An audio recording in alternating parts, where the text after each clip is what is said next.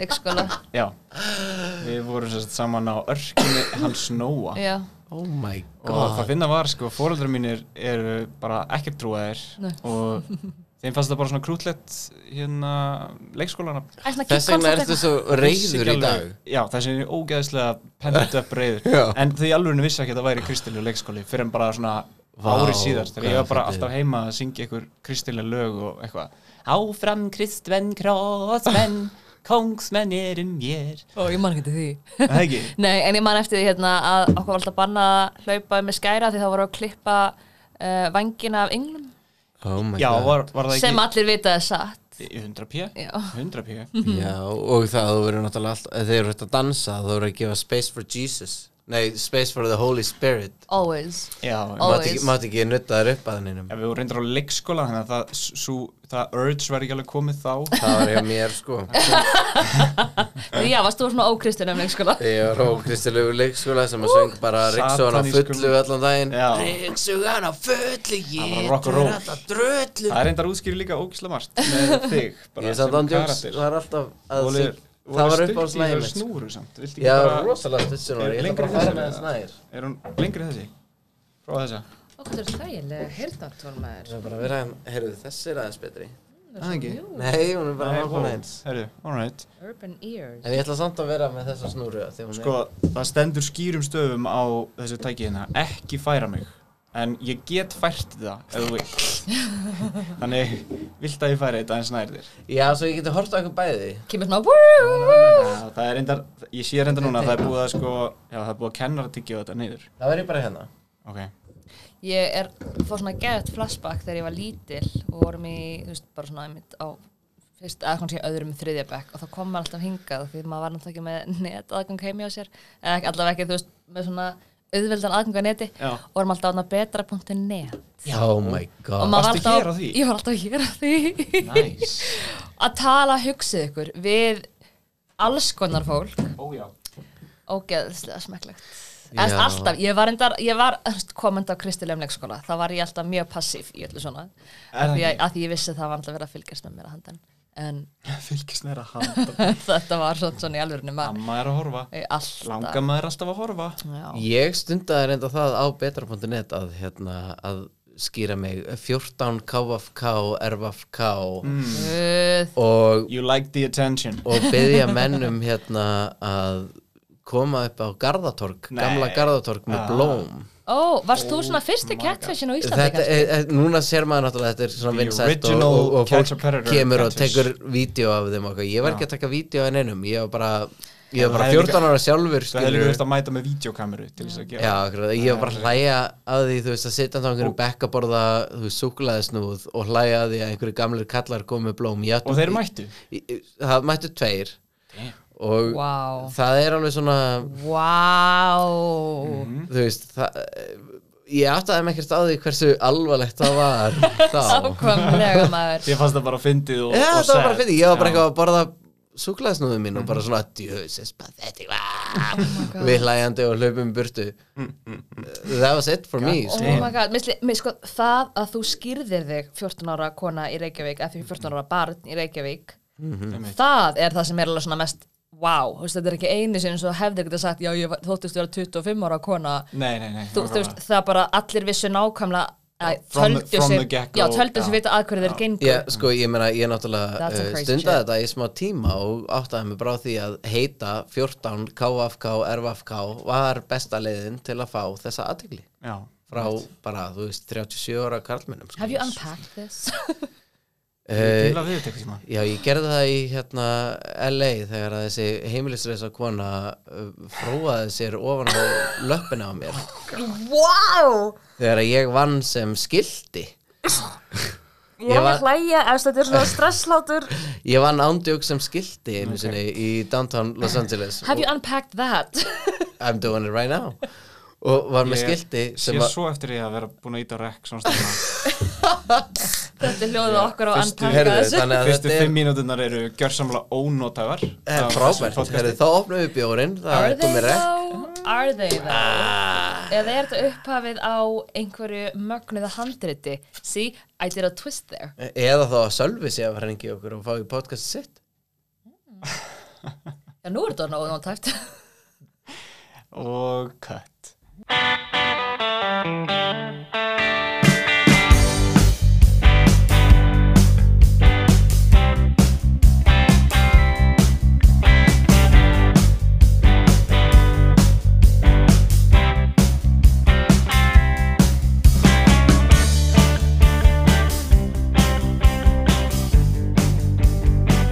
Hérna Hefur byrjað búið nýtt?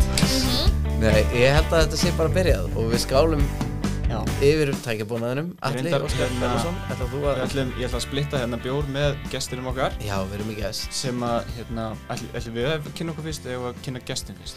Við kennum náttúrulega bara gestinn áður en að við segjum að þú heitir Alli Ha, ó, þannig að við ætlum að, á, Þetta ok, var, Ég sé uh, hvað it was gerðir supposed to be þetta og funny. þú heitir Elias ah, Mhm. Og saman tölum það að vera inn í útur og við jaðarann og Guðmundabránssonum á Íslandi. En í dag þá erum við góðan gest. Já, Aldís Hama Hafaldan Ó. Já, hæ, Velkomin. Takk. Og ég var að komast að því að þið voru á saman á leikskóla? Heldur betur. Ég var um að hugsa, sko, ástæðan fyrir að við erum að splitta bjórar að við getum ekki ennþá að hrista á okkur það að hafa verið á kristilegum leikskóla. Nei, Og erum náttúrulega alveg upp þar leiðandi Við erum bindindis fólk. uh, að sjálfsög Já, og vorum á leikskóla líka, við ekki. Eh, ekki fyrstu tvö árin Nei, allavega. nei, einmitt. Skál fyrir Eh, því. Skál fyrir því. Já. Má ég skála með þér? Skál Þú ert nefnilega svonur djöfulsins. Mhm. Já, ég var að segja náðan að hérna, fóreldrar mínu vissi ekki að uh, leikskólu væri kristilegur fyrir en löngu setna þegar ég var að byrja að syngja svona með mataborðinu, þú veist, ekki við mataborðið samt, en svona Syngja með matinn, eh, með matarborðinu, þá vissi það, nei, að þá var það svona áfram kristmenn, krossmenn og svona svoleiðis slagarar, sko. Já, Þá svona föttuði, býttu, þetta er ekki bara cute nafn Arkinas Nóa, þetta er actually hákristilegu leikskóli sem hann er á. Svona hákristalur og ekki, ég, sko, ég þekki uh, eigundirnar Mm og það eru ennþá mín í lífi. Já, Enda er það? Já, en það er það sko, um, ennir þeirri frænka mín og Ok. hinn er mamma bestu yngur minnar. Ég hef nefnilega rekist nokkur sinnum á þær og, og fleiri, hérna, má maður segja fóstrur ennþá. Það voru allavega fóstrur þá. já, um önnunar einstaklingar. Oh my god. Já, ég veit ekki, nei, nei, menn voru fórstutun rakst okkar. á þær, hefur rekist á þær nokkur sinnum á förnum vegi Já, og það myndu allar eftir mér já, og voru allar bara ógislega glaðanar að hitta mig og bara, þetta voru við líka framvarskandi, en ok. jú, jú, jú, jú, reyndar. ég væri hræðilegur leikskólakennari Ég myndi ekki muna eftir neinum, ever Nei, Nei, Sko, ein þeirra, ein fósturan er síðan frænka mannsins míns. Eða, þú veist, já, er það. Ísland er minnstanandi Virkilega, Já, virkilega. virkilega lítið. Ég var einmitt hérna, fyndi að ég skuli slæta þess inn svona mjög smúðli en ég var á frumsýningu í gær og þá var einmitt hérna, að þinni eigin mynd. Ok, tölum um það senna, en, en ég vildi bara koma þess inn, að því að Ísland er svo lítið að við vorum með leikara úr myndinni, sem sagt erlenda leikara sem komu á frumsýninguna. Og það týðkast á íslenskum svona viðhafnar forsýningum að leikararnir standa svona, þú veist, uppstiltir og taka á móti gestunum, þeir lappa í bíó. Já, svona takk fyrir að koma Já, sýninguna mína ef algjörlega. mig má kalla. Mér finnst það samt svo sjaldan Mér finnst það svo krútlegt að þið það- verið að gera það það. er stundum gert, ég, ég hef gert það nokkur sinnum. Rosalega krútlegt en hérna, erlendur leikararnir þau voru bara svona eins og illa hlutir og bara litið kringum sig og bara hvað hva erum við að gera hérna? Ég skil ekki what, what's the point? Þú Veist, það er búið að taka myndirnar af hverju erum við ekki farin inn á myndina? Já, og ég svona, þú veist, svona já ég hafði ekki pælt í því að þetta er náttúrulega örglega ekki gert neins staðar annars staðar. Ei, en, en pælingin var náttúrulega að þetta eru frændur okkar og frængur og, Mhm. og vinur og vandamenn sem er að koma á þessa frumsýningu þó þetta séu þúsund manns skilur, Já, já, þá já. þekkiru alltaf einhvern, einhvern veginn Já, og þetta er náttúrulega bara nákvæmlega eins og þú veist, þegar forsetin er að bjóða þjóðinni heim til sín í eitthvað svona bóð Mhm. sem að gera svona tvisar ári eða eitthvað, þá standa þau bara forseta frú og forsetin Mhm. við andrið og heilsa hverjum einasta einstakling Já. sem kemur inn og bara Nákvæmlega. takk fyrir að koma Einmitt. Þetta er bara að- að taka þinn tíma frá og vera hérna. Já, akkurat, þetta er svona 100% sko. það sem að þeir eru að gera sem að mér er svo æðislega grútlegt og þetta er ekkert öðruvísi í raun, forsetin og leikarar. Fossetin mætti á sýninguna. Já, reyndar. Na, Já, já, já, stóð hann þá hinu minna móti ykkur. takk fyrir að koma, takk fyrir að koma í Hann var reyndar, bíó. hann var reyndar svolítið sein Hann var eiginlega allir komnir inn þegar að hann mætti Eða þau. Var ég það uh, Já, ef þú sást, þú sást fórseta þá varstu Æja, Ég held samt að þessi er ekki samt ef maður er fórsetin er þá ekki betra að mæta svona, svona þú veist, tvær myndur í að því þá bara basically lappar inn tekur myndina og sest svo í sætið og Já, það verður ekki að taka aðteglina frá myndinni. Já, Já, nákvæmlega, það meikar alveg sens. Því annars hefði ekki verið tekna myndir hann innum öðrum. Segðu. Það hefði bara verið hann. Já. Já, einmitt, síðan kannski er hann líka bara busy verandi fórsandi fyrir utan það, fyrir utan það já. Biss en hann er samt, ég verð að gefa hann það hann er ógæðslega duglegur að mæta á svona eventa, já, Já, Mhm. og bara ekkert, en, endilega bara menningaviðbyrði bara allt, hann Já. mætir á allt. Já, Já, hann mætir eftirpartið mín. Já, tombólur, þú veist, hann er allstaðar. Hann er geggjaður. dölur, hann er virkilega maður fólksins. Mhm. hann er það, vissulega, guðin okkar. Ó já, og Elisa og Elisa Já, það meistarar. Já, en hvað ætlaðu að tala um í dag? við erum hérna komið með góðan gest. Sko, það sem að ástæðan fyrir því að ég hafði rosalega áhuga á að tala við hana Aldísi hérna er vegna þess að hún er sko leikona sem var svona búin að springa upp sem leikona og ákveður síðan bara fyrir einhverjum árum síðan að bara svona, herri, ég ætla bara að skrifa sjónvarseríu og þú veist, ég ætla að koma með sjónvarseríu til Glass River sem það er að gera svona true and false?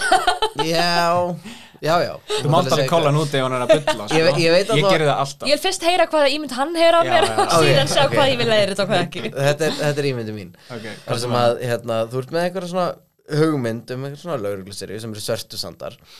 Og við vildum tala við þig þegar svörtusandar var í fullu fjöri en við bara gerðum það aldrei af því við vorum aldrei að taka upp þætti.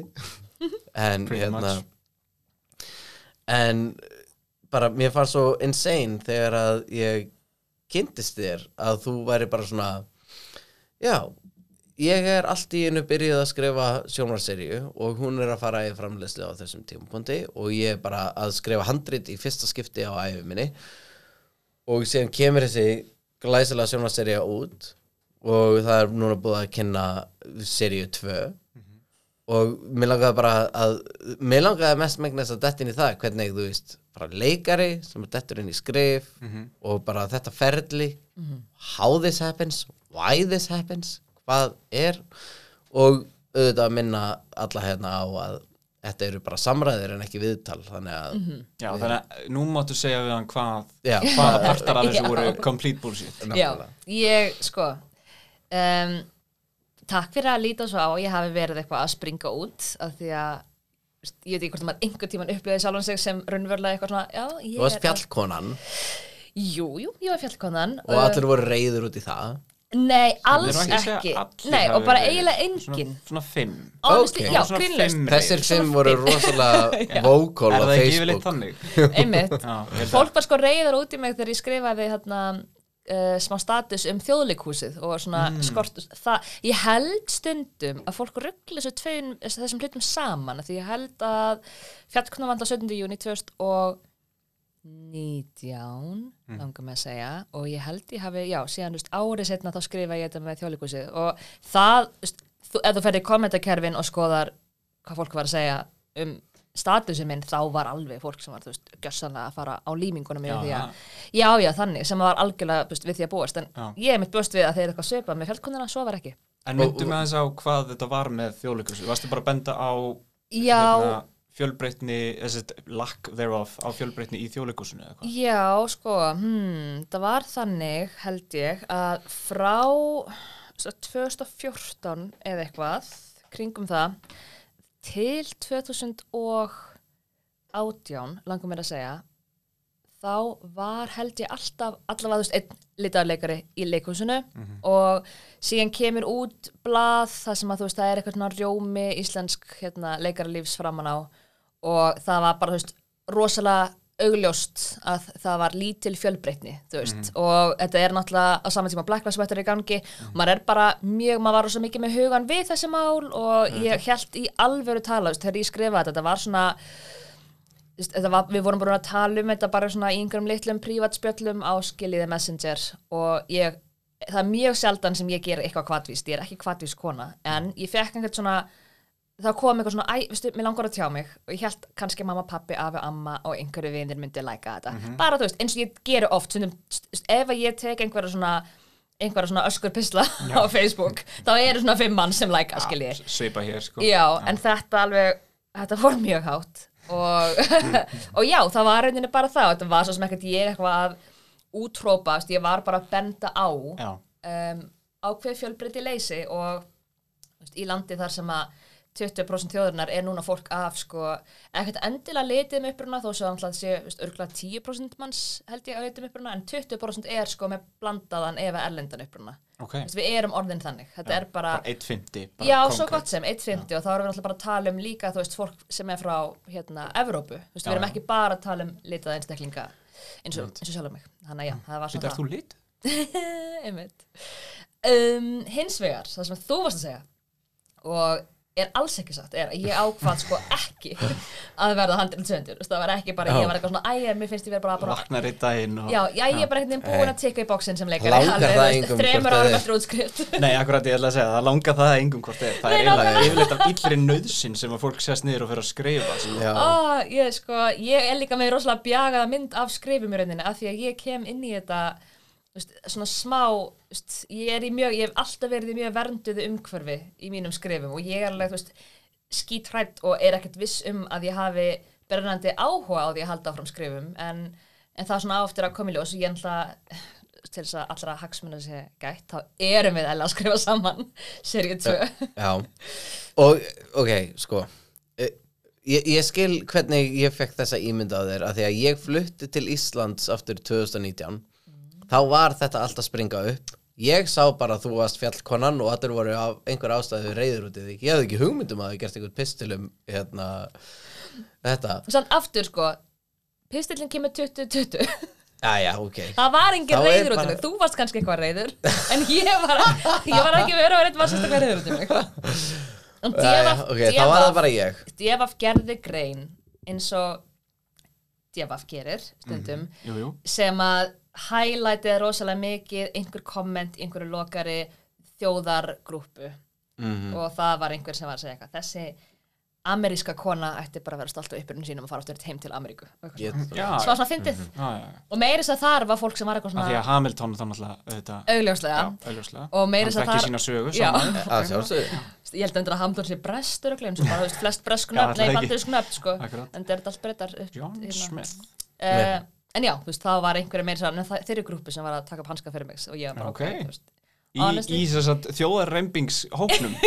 sem ég var ekki skiluru aðili að Nei, þannig að væntanlega var, ekki. já, þannig að það var einmitt, obviously ekki me meinaður ingangur örugla en skiljið, meira að segja grúpa sem ég hef aldrei orðið vör við, en Já. það var bara einhvern sem sagði við mig eitthvað svona screenshot að þetta var Já. allt saman, einhver afar hvítur Íslendingur og hérna sendi mér þetta en þetta var bara fyndið, þú veist, og heilt yfir þá var bara ótrúlega jákvæða móttökur um, ok, er aftur Já, svo sorry, ég Já. komi, nei, allt góðu Mm. um, ég var í tökum á brot var Já. hallar morðunum og sko, mér finnst ég búin að segja svo, svo ógeðslátt Ok, má að ég samt, sorry, aðeins pása að þú byrjar þessa sögu mm Mhm. að því að ég vil heyra hana og ég vil líka aðrir heyra hana Mhm. en ég ætla aðeins bara að laga mikrofónuðin að því að það verðist sem að þú hattir þér svolítið Eliassi þegar þú talar sem er mjög eðlilegt sko. Já, því ég er skemmtilegri á okkur tveimur. Nei, bara því maður Það hallar það. ofta á fólki sem að tala við Elias þetta tengist þér ekki neitt. Það tengist neitt. mér allt saman allir skal fela saman veistu okkur allir voru að mæta á þessa sýningu í gær? Býð eftir að þú Ég talar og sem kemur þau seinn í þokkabót já. Ég kom þarna high-fivandi inn alla sem að ég sá. Ég og fósitinn já, akkurat Það, na, sko. Nú held ég að þetta sé Það er ekki. þetta er næst því þá sé ég þig líka betur. Já, er það ekki? Jú, þannig að þá sé ég eitthvað báð það er svolítið fínt. Um, ég var að taka upp brot sem er að Valhalla Murders fyrir þá sem að hafa hortað á Netflix. Og Ragnar Jónsson lauruglumæður, alltaf þarf maður að taka það fram lauruglumæður, Að ekki, ekki rítöndur hann var sem þetta að kenna okkur handtökur af því að í einni senir þá tökum við eh, handtökum við konu handjárnum við konu. Við tökum konu fasta. Og, og eftir á hann gerði það. Og eftir á, þegar ég kem út þá er hann að tala samt við Otto, mótleikara minn. Þeir eru eitthvað að spjalla. Og ég treð mér eins og konur gera svo ótrúlega oft. Uh, trana mér fram. Ok, Akkurat, uh, nei, ég bara kem inn í samtalið og síðan fer Otto og við endum einhver spjalli og ég byrð hann um að senda mér svona, þú veist, bara hvaða veist, myndir eða þáttur að þér finnst þér vera raunverulegar því að Já. við vitum alveg að CSI Miami og svona, þetta er ekki skýrasta byrtingamyndin á kannski lörglustörfum þannig ég segi bara, þú veist, fyrir mig til þess að geta undirbúðum betur, gæti þú sendt mér einhverja svona, reffa. einhverja reffa Já, sem já. að þú veist, eru aðgengilegir og bara ekkert mál. Og síðan fer hann að tala um handrit sem hann er að vinna að sjálfur og það fjallar um ungan mann sem fer út á land hérna, og tekur við lörglustöðu þar og svona bara bara, eða stöðu lörglumanns og ég segi í svona algjöru djóki bara hvað ef að það væri nú kona? Og ég var að segja þetta, þetta var ekki ég að vera eitthvað að reyna að tróða mér inn í þetta hlutverk, þetta var raunverulega þetta. Var raunverulega bara ég eitthvað svona að gantast í honum sko. bara svona aðeins að reyna að hérna, íta við eitthvað. Og síðan fara um kvöldið og sendur mér frábæra reffa og svona fyrir áhuga sama ég, ekki, ég held ég hef aldrei talað um það en The Fall var eða eru þættir á Netflix með Gillian Murphy aðhverjum Já. og hérna leikara sem ég bara, ah, ég ásæður þetta með okkur nafnið á, en hann leikur í Fifty Shades of Grey held ég og The Tourist okay, The Tourist, Já, er það ekki hérna það vera að Johnny fact-checka mig. Depp og eitthvað. Nei, nei, þetta er Ég veit það, Já, sem seri að Ólfur Darri leikur í. Já, já. En allavega þá hérna, eru það frábæri þættir sem við notum alveg svolítið og þú ætti kannski að horfa það Elli bara því að svona tilfinningalega þá eru þeir mjög áhugaverðir út frá svona okkar sögu. Það er mikið einmitt drama og mikið gert upp á Og persónusköpun því að tilfinningilega þá skorti mig það svo mikið í því sem að ég var að skrifa fyrir. Svörtu samt að Já, það er gott að tala um þetta bara núna svona ofnbjörlega Þú ert eiginlega að horfa á The Fall. Bara to, to get it. Smá seintir að sem gripið en fínt að vera svona paper trail um þetta sko. Já, akkurat. En allavega þá horfði ég á svona, þá seríu og líka Happy Valley og svona kannski Mhm. tengir eitthvað Ég veit hvað það er, ég hef ekki hort á það samt. Nei, Nei. ég er þess vegna er ég algjörlega tilfinningasnöður Já, akkurat. Um, En síðan eftir það þá bara tveimdugum setna eitthvað sendir á mig hvort að hann mætti plata mig í kaffibólla til þess að bánsa hugmyndum af því að hann hefði nú verið að hugsa út í það sem ég sagði með lauruglukonu og þætti þetta bara alls ekki svo galin hugmynd. En hann, þú veist, verandi bara karlmaður og hefur alltaf verið karlmaður í sínum hérna, störfum þá þú veist, væri hann ekki kannski með þetta kvenna perspektíf á vinnuna. Við fyrir mig kaffibólla og við endum bara í þú veist fjóra tíma spjalli eða eitthvað, það er ógeðslega gaman hjá okkur ná mjög vel saman og förum að hittast örugglega tvis og þrisvar. Og allt um erum við bara búin að svona hamra út smá söguþráð. Og Og er hann alveg mjög frábröðin þeim sö- sögutræði sem hann var með eða var þetta svona að halda í þá línu sem hann var að gera með karlmanninum? já, ég myndi segja að hann er sko þetta er, já já veist, þetta er allt öðruvísi en það setna meir veist, kemur náttúrulega þriði aðlinni þetta og fjórði sem er hérna Andri og, og Baldvin og sem enda náttúrulega svolítið með hérna okkur þremur. Um, en það eru element og mig langar líka að tala um það hér bara því ég veit ekki þú veist hvort ég megi að tala um það veist, hvort það sé skemmtir að koma einhvern tímann setna fram en það eru svona element í okkur upprunalega eh, okkur upprunalegu sögu sem að hafa haldist og þau eru úr alvöru lauruglumáli sem var hérna á Íslandi Ok. á svona á býtum ok, ní- 80 okkar, nýjunda áratögnum já, Ok, ég held bara á þessum tímafóti ef að einhver hlustandi hefur ekki hort á fyrstu seríu á Sörsöndum já, að bara from here on out þá mega vera spoilers. Já, já, já, ok, emitt það er Já. líka bara Serían er búin að vera úti það lengi og alltaf og... Einmitt, þú ert eiginlega búin að missa réttin að vera eitthvað svona, "Æ, eitthvað svona sem ég Já, er er alltaf sem mannska ég var Þannig- ekki búin að horfa. Akkurat. já, höskuldar viðvörun fyrir þá sem hafa ekki séð fyrstu séri af Svörtu Söndum, já, Svörtu Sanda.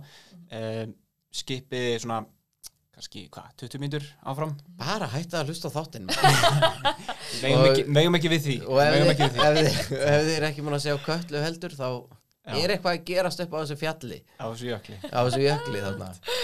Einmitt. Um, En já, síðan var Raggi búin að vera í samtali við Glassriver og þetta var búið að rata á borðið hjá Baldvinni að það væri einhvers konar sögutráður á, að mótast og hann var að leita sér af lauruglusýri eða svona einhverjum krimma sem væri með einhverju twisti sem hann taldi sig geta þú veist, fundið einhverja skemmtilega nálgun á. Og þegar við erum komin með biblíu og bara Raggi sá alfarið um að búa hana til þá, Biblíu sem bara pitch deck eða alveg Já. bara 15 blað sinna detail. Uh, veistu, ég bara man það ekki alveg en ég vissum að bara, ég hreinlega held að Raggi örglega, ég er þá sko. Já, en ég vissi ekki neitt. Ég hef aldrei fengið neina mentun á þessu leiti og ég bara, Æ- hann var svona aðeins sjóar í en ég Ég held við getum svarað þessa spurningu einfallega með því að spurja sko annara spurningar. Uh, hvort var þetta gert fyrir sko glasriver Mhm. eða fyrir utanakomandi aðila til þess að fá fjár- fjármagn? Þetta var bara gert fyrir Já, glasir það var þetta biblía. Já, mhm. Og þegar því ég komið þá er við sem sagt, ég held á þessum tímpúndi þá erum við innmitt að kynast Baldvinni uh, og þér í gegnum annað verkefni sem við erum í. Já, sem að Baldvin hefur sagt upp átt hvað heitir held ég? Er það? ah, Já, getur verið. Ef að googla annars, þetta annars, blí, Dýrði dauðaþögn annars bara heitir það. blípa ég þetta. Ok, nice. Dýrði döðu þau og það er bara svo fyndið að akkur þeim tíma þá er ég að kynast Baldvinni þar líka. Og við förum á fund með öðrum leikurum sem er í þeirri seríu. Og ég held að þú hafi verið þá komin inn eða þú gast ekki komið á fundin eða eitthvað. Ég bjó Erlendis. Ah, það var eitthvað Æ, þú varst eitthvað busy.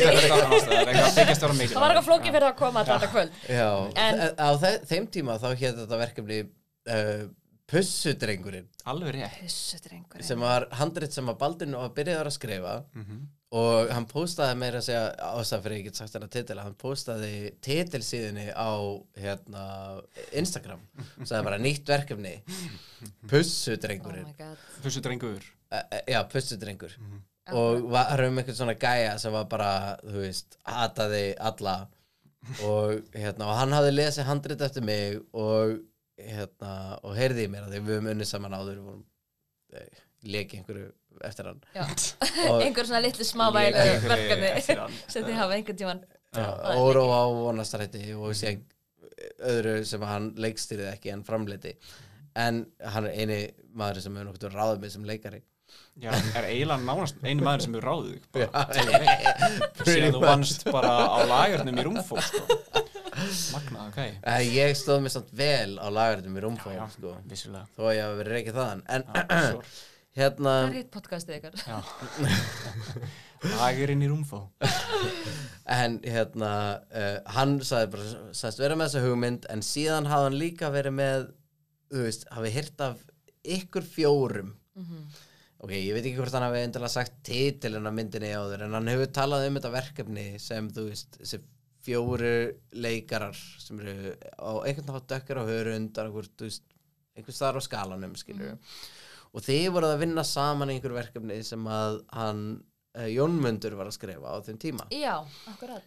Og hann hafði áhuga á að gera eitthvað með þetta teimi og tengja það við greið pussudrengin þannig að allir fyrstu fælarnir sem að ég á varðandi þetta verkefni þar sem að ég basically bara hlusta á upptökur af fundum.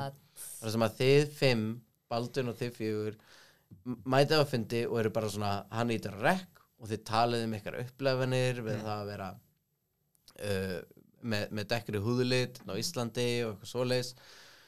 Og síðan sendir hann mér upptökunar til LA og ég lappa bara eitthvað um Venice Beach af því að ég bjóð þar á þeim tíma ég bjóð í uh, Marina del Rey í gestahúsi.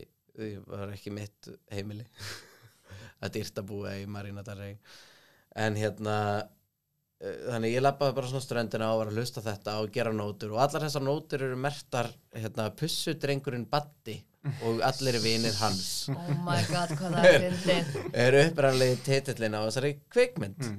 og það var áhugaverst að heyra þessar nótur og fá svona úrdrátt úr þeim að því að hvað hefur breyst á þessum síðustu Já. sex árum eða það hefur allt breyst? Já, er það ekki? Það eru fimm ár síðan að því að, að því að þegar ég flutti síðan til Íslands og var að fara að taka svona minn fyrsta fund með Badda varðandi þetta verkefni þá uh, uh, þá var ég búin að ákveða að segja mig úr þessu verkefni. Ég var bara ekkert að tengja við það sem að þið voru að tala um eða Varst náttúrulega ekki með neinum þeirra á leikskóla? Nei, akkurat. Bara, I don't know these people. Akkurat. Ég var bara, þú veist, ég hef alltaf verið með þessa reglu að ég er ekki að fara að taka mér inn í verkefni nema ég sé bleeding for it saman hvað það þýðir en það er eitthvað svona pretentious dæmi sem ég hef haldið í. Og hérna ég bara var ekki bleeding for this. Og þannig ég var búin að ákveða það að ég ætla að hitta Batta og segja bara svona, heyrðu, þú verður bara að finna einhvern annan. Ógeðslega, þú veist, bara honored að þú vildi skrifa með mér handrit en þetta er ekki að fara að gerast. Og það er bara í strætónum á leiðinu upp í glasrifir þar sem að ég finn bara þessa tilfinningir og hlusta einhverja tónlist, eitthvað lag sem bara dregur mig inn í einhverja svona mega súrrealíska melankóli sem er svona, ok, ég væri samt alveg til í að skrifa þessa tilfinningu sem ég er að finna hérna. Það gæti alveg verið að það séu þessir fjöri karakterar. Enga veginn það sem við erum búin að tala um eða þau eru búin að tala um og ég hlusta á. Mhm. En, en það gæti eitthvað verið þarna. Þannig að það er það sem að ég líta með þegar ég tala við Baldin og er bara svona, þetta er þú veist, mér langar ekki að gera myndina sem ert að skrifa.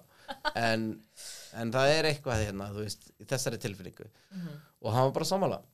Já. Þannig við fórum bara, byrjuðum bara bara nýtt basically. Og jú, jú, í fyrstu þá byrjuðum við, að eh, byrjuðum við á því að nota rosalega mikið af þessum nótum sem að smátt saman hurfu og var sem bara að einhverju allt öðru. En já, Nú veit ég ekki hversu mikið ég má segja eða hvort þú yfirleitt viljir að ég segi en ég las draft af þessu núna nýlega. Já, þá máttu alveg segja það. Og þetta er bara eitthvað það styrlaðasta sem ég hef lesið sko. For, wow, bara for real, damn. Ángríns Bíddu, hann er er bara þetta að lesa sama- en þú Já, sko. já, ert ekki það, ég er ekki hissa eitthvað svona Vá, ég er alltaf eitthvað fræðilegt dæmi. Þetta var ekki þannig En Já. bara vá hvað er gaman að heyra Því að maður er svo, Já, maður er enda svo ógeðslega hérna Hvað sem er, óhljedrægur já. alls ekki.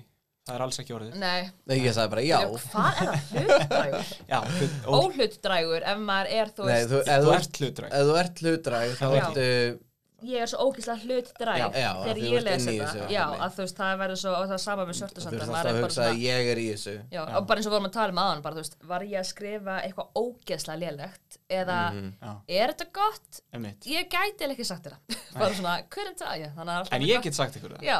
Þetta er gott já, já. Ok, nice. Ég var alveg bara svona e, þessar, þessar hundra mínútur sem ég tók með að lesa þetta handrit Ég var með Shit. En gat samt einhvern veginn ekki fengið mig til þess að bara gráta aðeins og klára það Nei. Heldur var hann eitthvað, hann sat einhvern veginn svona efst í hálsinum á mér allan tíman Og ég hataði þig fyrir það, Mm. Elias En ég elskaði þig samt handriti Vá. Já, Og þetta er samt bara svo að það sé á hreinu, þá erum við að tala um dýrð í döðaþögn handritið. Þannig Já. við veitum ekki hvort að titillin sé uh, Já, við veitum ekki hvort að titillin sé working title Já, working title. Þetta er ekki working, þetta er the title En við veitum ekki hvort að það sé búið að segja hann að titil upp Herðu, Er samt ekki Já. allir titlar working title? við erum búin að fá hérna styrk frá Kugmyndasjóð og þar að leiðandi er titillin á síðu Kugmyndasjóðs þannig að við getum sagt Bingo, bango Já, ding. ég var bara að gleyma því. Ding dong það, Um, tengist allt svona Vildu eitthvað klára hérna, Nei, nei, það var bara búið. Jú, please. Herri, það er eitt sem ég er mjög góð, ég get góð í að baktraka, þannig að við getum farið Oh út víðan god, veg. Ég er getur þú verið hérna alltaf? Ég er svona, ég ættir að vera í útvarpi að Því ég er svona, já, og- síðan við getum fyrir, fyrir manns aftur hérna Já, alltaf þegar við erum að edita þessi podcast eða þegar ég er að edita podcast og ég er svona veit, vorum við ekki að tala um eitthvað allt annað áðan? Þú veist, hvað Við var um bara það? í tangent og þaðan í annað tangent Já. og þaðan í annað tangent og svo svona, ó, tíminn er búinn, takk fyrir okkur. Og við komum aldrei aftur að svar. toppikinu. Þannig að það er mjög gott að, að hafa þig. Hva, Hvað voru að tala um? Aftur? Við vorum að tala um þegar við kynnumst að reyndinu á hvað já. hérna Baldvin kemur inn í verkefnið Já, og ég var að fara að segja sögun á því þegar ég var að hlusta á upptökunar make it about me though. Um, Já, við sem þetta erum komið þess að biblíu Baldvin líst vel á og þú veist, bara long story short að því ég veit út ógæslega Þú, ég Raggi. hátum að tala um sjálf þig já, að þá uh, förum við þrjú bara í svona skrifherbergi þar sem að Baldvin bara er með stóra tústöflu Mhm. og það er svo skrítið að ég get ekki muna lengur hvernig við fórum að þessu þetta er þið ótrúlega þrjú verandi þú, Baldvin og Ragnar já, Já. og þetta er mjög ólíkt okkar ferli eiginlega sem Eh, er Sörtsandar 2 sem er svolítið já, hérna, setni helmingur. Setni helmingur, alveg rétt. Og um, allavega er það working title? Nei, uh, Setni kalla það. það allavega var bara svona hérna, uh, krítartabla og við vorum ofta að krýta eitthvað svona "Bíddu, ef þetta gerist þá hvað, ok, förum bara gegnum þetta hérna á töflunni með túsinu og eitthvað, það var mjög gaman Já, og, þess að þetta ekki krítartabla nei, ekki- eh, tústabla, tústabla síðan munurinn munurinn þar og núna til dæmis er að á þeim tímpúti það var Baldvin algjörlega þá við stjórnvölinn sko. þannig að það við var sjórunner hann var algjörlega sjórunurinn og á þú veist og bara á allan þann heiður í líka bara fyrstu mm seríunni. Hann var definitely hérna, bara með mestu reynsluna og þetta satur svo mikið hjá honum. Það er hann sem fer yfir öll síðustu draftin og endurskrifaði allt og svona. En það sem hann gerði og tröstu sem hann gaf okkur og sem ég er óslega þakklátt fyrir einmitt bara aftur hafandi enga mentun í þessu er að hann, eftir að við sitjum þarna og við náum að koma með hugmyndir sem leiða að því að við erum komið með 8. serju og svona, þú veist, hérna upphaf miðju endi og allt það, að þá skrifar sem sagt, ég var að skrifa nótur, Raggi skrifar síðan fyrsta treatment á hverjum þætti og Baldvin, ef ég man rétt, deilir síðan út frá treatmentinu niður senum. Mm. Mér minnir þetta svona og bara... þegar hann brýtur þetta eitt sjálfur niður í treatment Já, sko, svona brýtur, hann brýtur þetta niður í senur. já, Það, það munar því, það ekki? Jú, ég meina, þú veist, já, ok, treatment er náttúrulega bara það sem ert að skrifa allt sem er að Já, gerast, gerist, en gerist. getur þú gert, hérna, guð, ég man ekki alltaf einu hvað það heitir, en þar sem þú gerir bara scene by scene by scene by Já. scene. Já. Þannig að Baldwin tók það á sig Baldvin að gerir það. breyta því. Wow. Já. Ok. Og útdeldi þeim svo á ykkur til að skrifa eða? Já, Já. og hann tók held ég alveg sko bróðupartin af þessu, veist. Mhm. Hann í rauninu svona svolítið reyndi að hafa þau í huga bara hvar okkar styrkleikar lágu í hugmyndivinninni og Raggi til dæmis er augljósta með mesta styrkleika af okkur öllum, þá er hann klárastur í lauruglumálum uh, ég veit ekki af hverju, kannski að því hann er með 30 ára á bakinu sem Mögulega. rannsóknarlauruglumar á Íslandi en, be, þú veist. Já, og veist, ég er kannski með mest styrkin sem kona Mhm. uh, af lituðum uppruna, nei lituðu hérna litan húðlit Mhm. um, þú veist að, og það er svona kannski einu sem ég hafi þetta Nei, on. Nei, nei, þú veist, En þú veist ég, þá kannski meira svona í, í tilfinningarlífi já, I had the og- female experience, Já, við getum sagt exactly. það af Sko, okkur ég ætla fremur bara að segja að hafandi unni með þér núna í þessu handritaherbyggi fyrir hérna, uh, setni seríuna uh, ég var alveg blown away sko, af hversu mikið hversu mikið kraft þú komst með inn í herbergið. Af því að Baldur var alveg búin að lýsa þessu svona fyrir mér þú veist, Hann búin að bara vara hann svona- við. Já, hann var búin að segja Varnagla á. Já, bara passaðu á aldrei sig hún er mjög toxic Já, hann væri ekki svo fyrsti sem lísti með þannig. Joke. Nei, en hann var búin að lýsa þessu þannig fyrir mér að þú veist, hann bara svona, þetta var bara allt og mikið á mér, dalala, þú veist. Þú skalt koma inn í herbyggið kannski og við getum aðeins unni þessu saman af því að fyrir fyrst seríu þá var ég bara svona konsultant og var alltaf að lesa öll dröftin og var að tala við Baldun um það og eitthvað svona og gefa nótur og slikt og fyrir sendseríuna þá bara svona ok, skulum við allavega splitta þessum, hérna, þessum erfiðleikum Já. sem því fylgir að vinna út handrit út frá þessu ferli. En síðan þegar við byrjuðum þá var hérna sá ég bara að Baldin var bara einn af tveimur sjórunurum basically. Þú veist, þú veist alveg bara alla leðina þar og ég svona, já, ok, hún er alveg með, þú veist. Hún er alveg þar. Hún er með tilfinninguna á hreinu fyrir hann karakter, hún þekkir hann karakter náttúrulega betur en allir, hún er búin að leika hann karakter, stelala og skrifa hann karakter.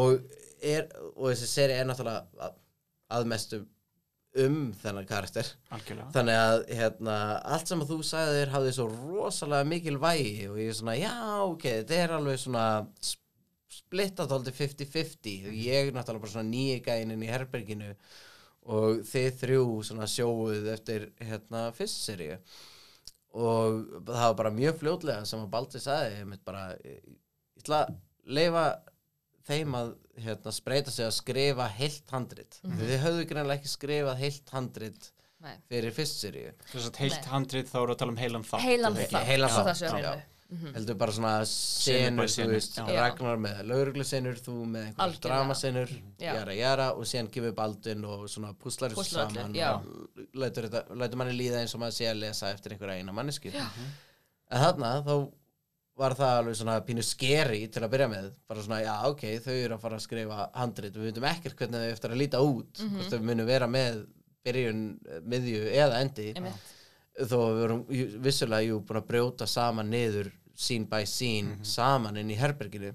Handritið hans Ragga var með vakslitum Nei, tjók Nei, En- alls en ekki síðan fer ég að lesa eftir ykkur bæði tvö, bæði þig og Ragga. Að Raggi held ég skrifaði þáttum með tvö og ég er bara svona, damn Einmitt. damn, Ok, þetta er bara drullu fucking gott. Miklu miklu betra heldur en þessa, þessi fyrstu dröft sem að ég var að gefa nótur á fyrir, fyrst, fyrir veginn, af því að það var allt svona einhvern veginn svona verið að púsla því saman og Einmitt. eitthvað þetta var bara, allir orðin miklu örugari með þetta. Mhm. og ég sem var eitthvað svona að fara að skrifa seinustu tvo þættina var alveg svona all right, ég þarf að þú veist að gera það í bróð Það er ekki að amatör að hleypa kringum maður. hérna.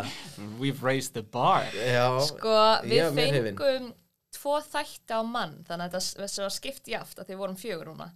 Og það var mér þótt að ógeðslega skeri, þú veist, ég var aftur, hef bara skrifað út senur Já. ekkert bara, bara hef skrifað út senur en sem eingöngu- hafa verið framleitar og teknar upp já, að meira en algjörlega, margir getur já, sagt. algjörlega og þú veist, senur sem ég er bara mjög stolt af en þú veist, það var ingönga sem ég hefði gert og ég hafði aldrei þurft að hugsa eins og þegar þið byrjuðu að tala svona, já, um bara svona beats og eitthvað, ég bara, veist, er ég bara að fara að rappa eða hvað, skilji, hvað er, Þessi sena er svona 15 bar Já, nákvæmlega. Þannig að þetta var mjög skeri fyrir okkur líka, þú veist, að því að ég upplýði bara líka það að vera að taka rosalega sens á mér og það var alltaf, þú veist, hversu leiðilegt þetta er að maður hefði sem bara komið með eitthvað rusl, skilji, uh, en ekkert okkar gerði það og það var rosalega gaman núna að sjá, skilji, að skiljur við bara svona, um, hvað við erum öll ólík og líka svona samt sem að hvað, við, hvað mér finnst ég þekk allar vel svona, já, veist, ef ég myndi lesa bara kallt fjögur handrið, það myndi ég örgulega this point geta verið bara, þetta er með þú veist rakka all over it, og klassísku bandi Elli, ertu bara að tala við mig núna? eða skilur, þetta er að því að maður bara svona læri líka á einhvern veginn þú veist, alveg sem maður er-. Já, alveg sem maður er á rithönd fólks að það verður bara Já. svona rödd hvers og eins, skín svo vel í gegnum. Og það er rosalega gaman að lesa það. En er það ekki svolítið flókið síðan að reyna að draga úr því eða hvað? Er, er það kannski bara allt í lagi að sé Sko- ákveðin blær yfir hverju Fyrir mér þá hérna, uh, áður en við fórum að skrifa einhvað handrit þá var Baldvin búinn að skrifa fyrst þátt af seríu 2 þannig að fyrir mér þá var þetta einmitt aldrei svona hérna uh, þú veist að herma eftir þessum tóni og þú veist og svona reyna að líka eftir þeim skriftum þegar ég svona byrjaði að skrifa. Þá gat maður svona spila eftir því. Sure, ég skrifa öðruvísi svona action lines en Já. þið, ég er kannski aðeins meira eitthvað svona purple prose sem að svo margir hata. Ég veit ekkert hvað það þýðir en purple prose er svona hérna finnum lyktina af bókunum í þessari Já, kompu, já. skilur því að það er að snúa allar að okkur. Þú veist, einhver svona draumkendar lýsingar af því sem er að gera sem að skipta fyrir- þannig sé ekki máli í af því stæðan fyrir að segja bara bækurnar snýru snúa á Já, þú veist, í staðan fyrir að bara minnast ekki einu svona á það og leifa bara öðrum Já. deildum að díla við hvernig þetta herbergi lítur út, þessi kompa.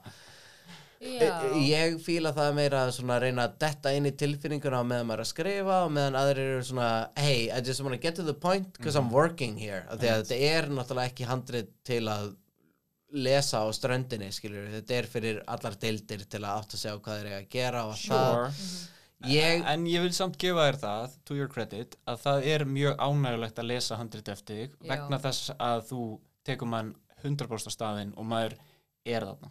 Já. ég kann að meta svoleiðis skriftir líka Já. og, og reyni að gera það sjálfur sko, þú veist, að því að mér líður betur að lesa þannig og mér líður betur að skrifa þannig Mhm. að því að annars er ég svona anybody could have written this einhvern veginn en allavega, ég reyni samt að finna þú veist, bara þessar tilfinningar og þennan struktúr í senunum til að gera senur ekki of þú veist Háflegar. dark and Já. droopy einhvern veginn uh, reyni að fylgja bara þessu example sem var gert í fyrsta þætti. Já. og áður en ég held áfram að skrifa þá sendi ég Baldinni bara fyrstu fjórar senunar eða eitthvað af þessu þætti sem ég var að skrifa og bara svona, hey þú veist, am I Er ég á réttri leið? já, Já. er þetta eitthvað, þú veist, hljómar þetta eins og sörtsandar já, og hann sagði, þetta er eins og ég hefði skrifað þetta og thumbs up. Og ég var svona, ok, ok, ok þá get ég haldið þessum tóni áfram þó reyndar, þú veist það breytist og whatever. En hérna en já uh, þetta er til að svara spurninginu um hvers, hversu erfitt það er að síðan samtengja allt og það mun náttúrulega bara koma þú veist, að því að sko Aldís og Baldvin náttúrulega þekkja og Ragnar, þú veist, þeir þekkja seríuna svo miklu betur en ég. Mhm.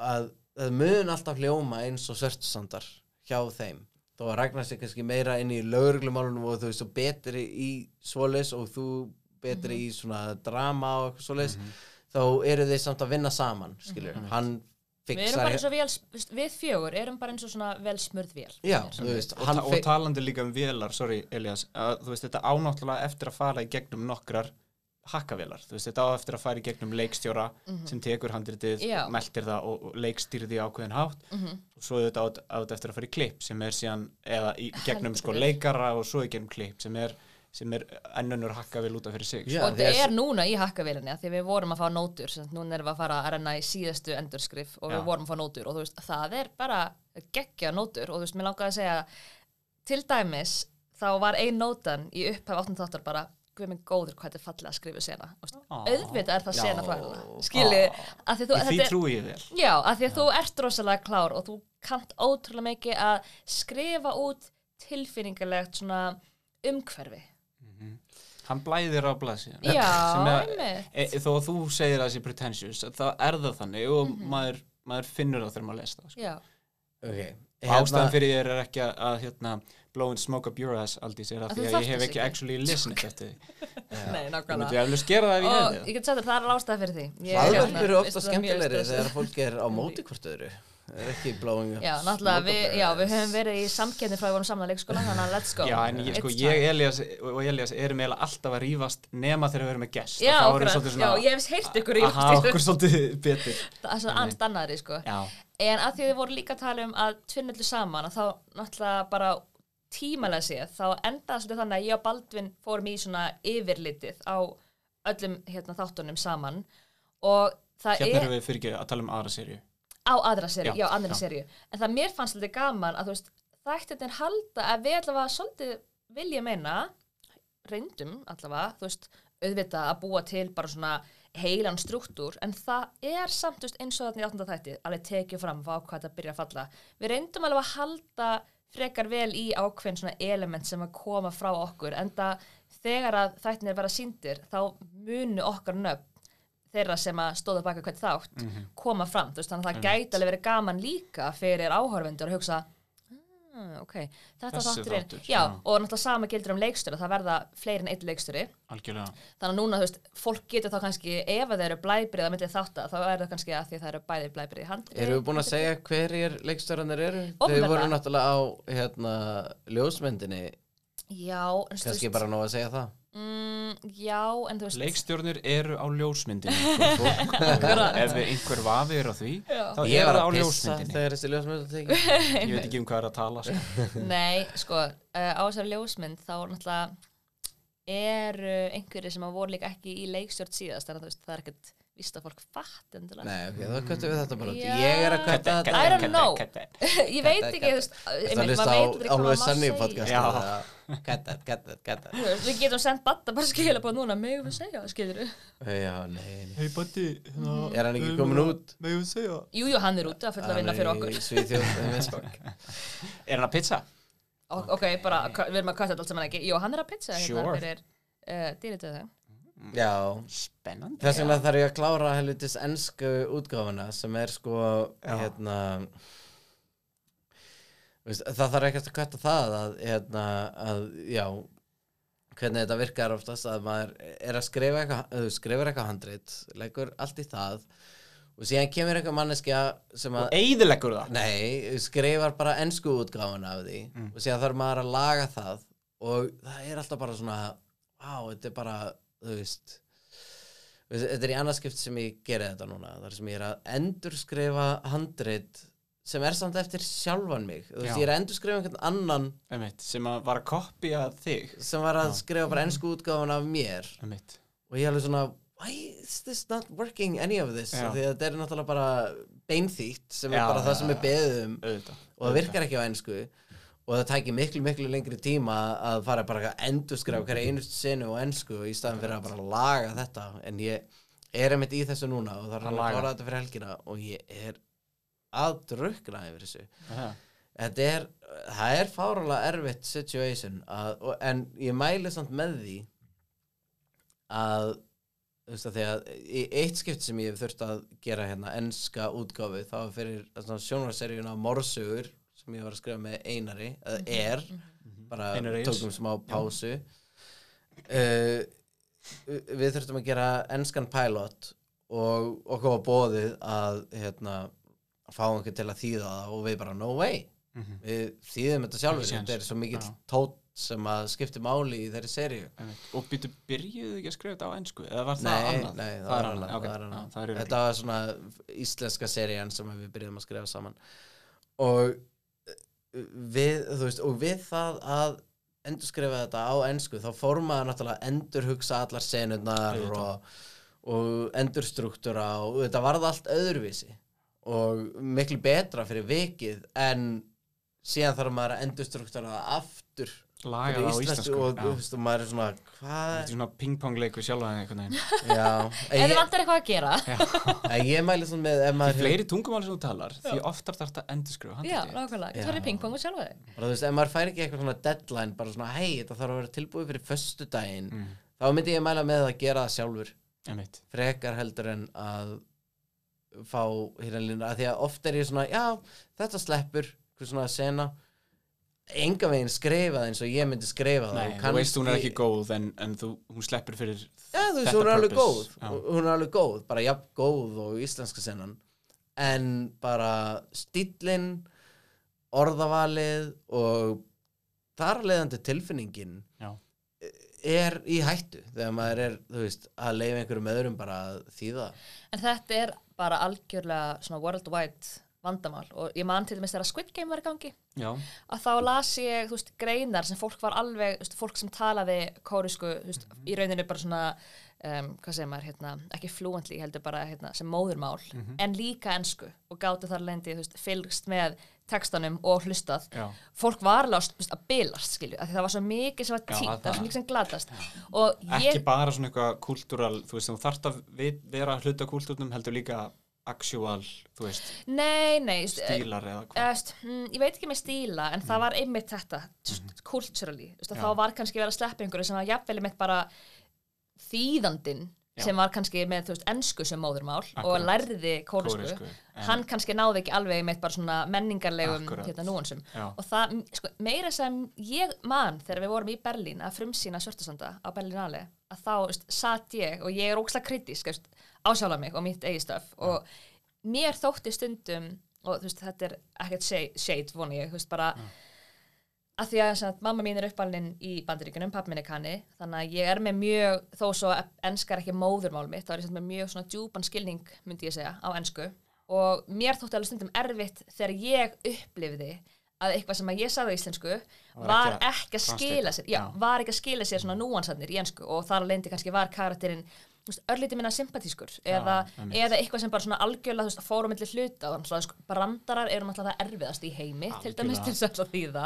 Og allt svona, þú veist, málvenjur orðatiltæki, allt það sko. Úf, já, koma fjöllum Irjum, irjum já, að já, bara nakin kona eitthvað svona, bara úf, Mm. þetta er ógeðslega erfitt alltaf þýða, þannig að þú veist, þetta er, og ég saman þess, þess vegna langar mig núna til dæmis að, ofta að fara yfir sjálf, þú veist, þegar það er búið að senda eitthvað í þýðingu, einmitt það sleppur oft sérstaklega þegar það bara er verið að senda í þýðingu til, þú veist, á lokaðan að- aðila Já, sem til að að það það er sé einhver aðila til að lesa og Já. svona já, já. En við höfum líka fengið nótur frá okkar erlendu hérna, aðilum sem eru svona ah, kannski er þetta lost in translation en getur það ekki vera að þessi karakter sé að hafa sér smá undarlega með aðstofnum eitthvað svona definitely lost in translation skilur Ég- ég mitt, þú veist, þegar ég var að byrja að endurskrifa þetta kvikmynd á í ennskri útgáfi þá áttaði ég mig bara strax á því að það þurfti svona, hérna, hvað heitir það svona saurblað á milli hérna, Hvað sagður? saurblað sem er oftast hvítablaði Þetta sem er- er á þetta er milli þeng, sko. titil, síðu og Culturally er ég greinilega bara ignorant. Þetta er, bók, þetta er alltaf í bókum, sko- þú, opnar bók og það er hvitt blað og síðan byrja bókin, það heitir saurblað. Þetta lærði ég sko í grunnskóla í íslensku tíma. Getum við Þetta aðeins tengist ekki bara handréttaskrifum Þetta er líka bara í reitgeraskrifum afsaki, bókaskrifum og Ok, real já. quick Já. Hver er tilgangurinn?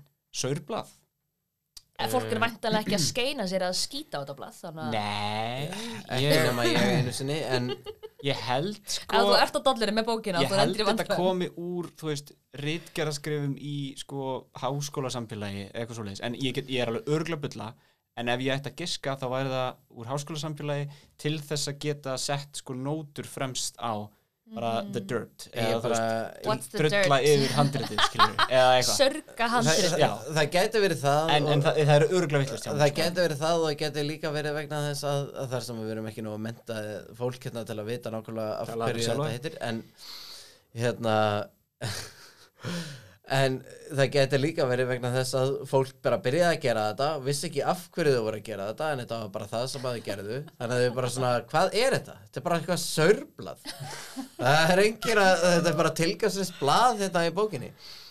En já, kveikmyndahandrit eru oftast ekki með sörblöð þetta heitir meira dedication page sem er svona, svona quote eða eitthvað Mhm, fyrir mannin minn, takk fyrir þar tók ég alveg eftir því að ég þurfti að skrifa bara þessi kveikmynd er á íslensku Ah, bara, Bara- svo fólk fer inn í lesturinn svo átti hugsandi því svona ah, það off." er stundum skrítið að lesa þetta af því að þetta er á íslensku. Ok, þetta er, ég reynda bara að elska þessa nótu og þetta er bara 100% eitthvað sem ég held að þetta vera standardin þegar fólk byrjar að lesa svona. Og það sem er líka ógeðslega frústurandi og ég ætla bara að fá að segja þetta á íslensku af því að, veist, já, af því að þau mun aldrei skilja.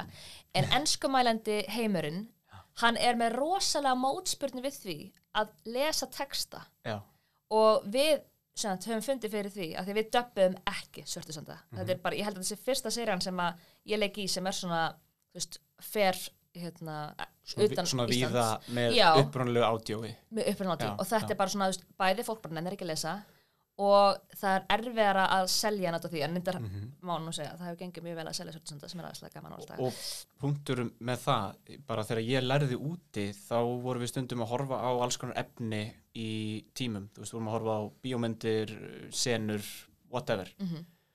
uh, krakkarnir sem voru með mér í bekk sem voru kanar Mhm. þeim fannst trublandi að hafa text Já, einmitt, ég hef heyrt þetta. Þú veist, þetta er, þetta er sko einn tuttugasti af skjánum sem er fyrir okkur hérna útlendingana. Einmitt, en þau voru bara, getur please ekki haft texta. Akkurat. En það bara fór í töðunar það ég skil það það, er bara samt trublandi, alveg, af ég því get að- ekki innbytt mér. Ég, ég skil það samt alveg að því að Já, ef þú ert ekki sure. vanur að vera með texta fyrir fram að þig algjörlega þá byrjar þau automatically að lesa textan og hættur að horfa á myndina. En við sem erum upp alin við þetta þá er Gerum það svo þetta bara eðlilegt að ósjálfrátt. geta horta á og séu svona, heyrðir ekki þá bara digg, skýtur aðeins augunum. Já. nema reyndar, ég var að horfa á hérna, Napoleon skjölin í gær. Napoleonskjölin Var það frumsýningin sem þið fóruð á í gær? sem er að koma í bíluna 3. februar Napoleonskilin. áhugaverðar áherslu bara í þessu orði. Napoleon skjölin Já, Napoleon Hann er svo Já, ennsku Napoleon skjölin hérna uh, Hvort segir þú prósent eða prósent?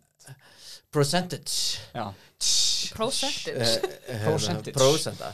En, eh, sorry, En eitt um bíddu, byrja áður en ég er að tala um textan því að hérna, ég, mér var svo gaman að, að ég kom svo seint. Mhm. og voru öll sæti upptekinn þannig ég satt fremst. Jú, jú, man og ég hef ekki setið í bíó fremst in forever.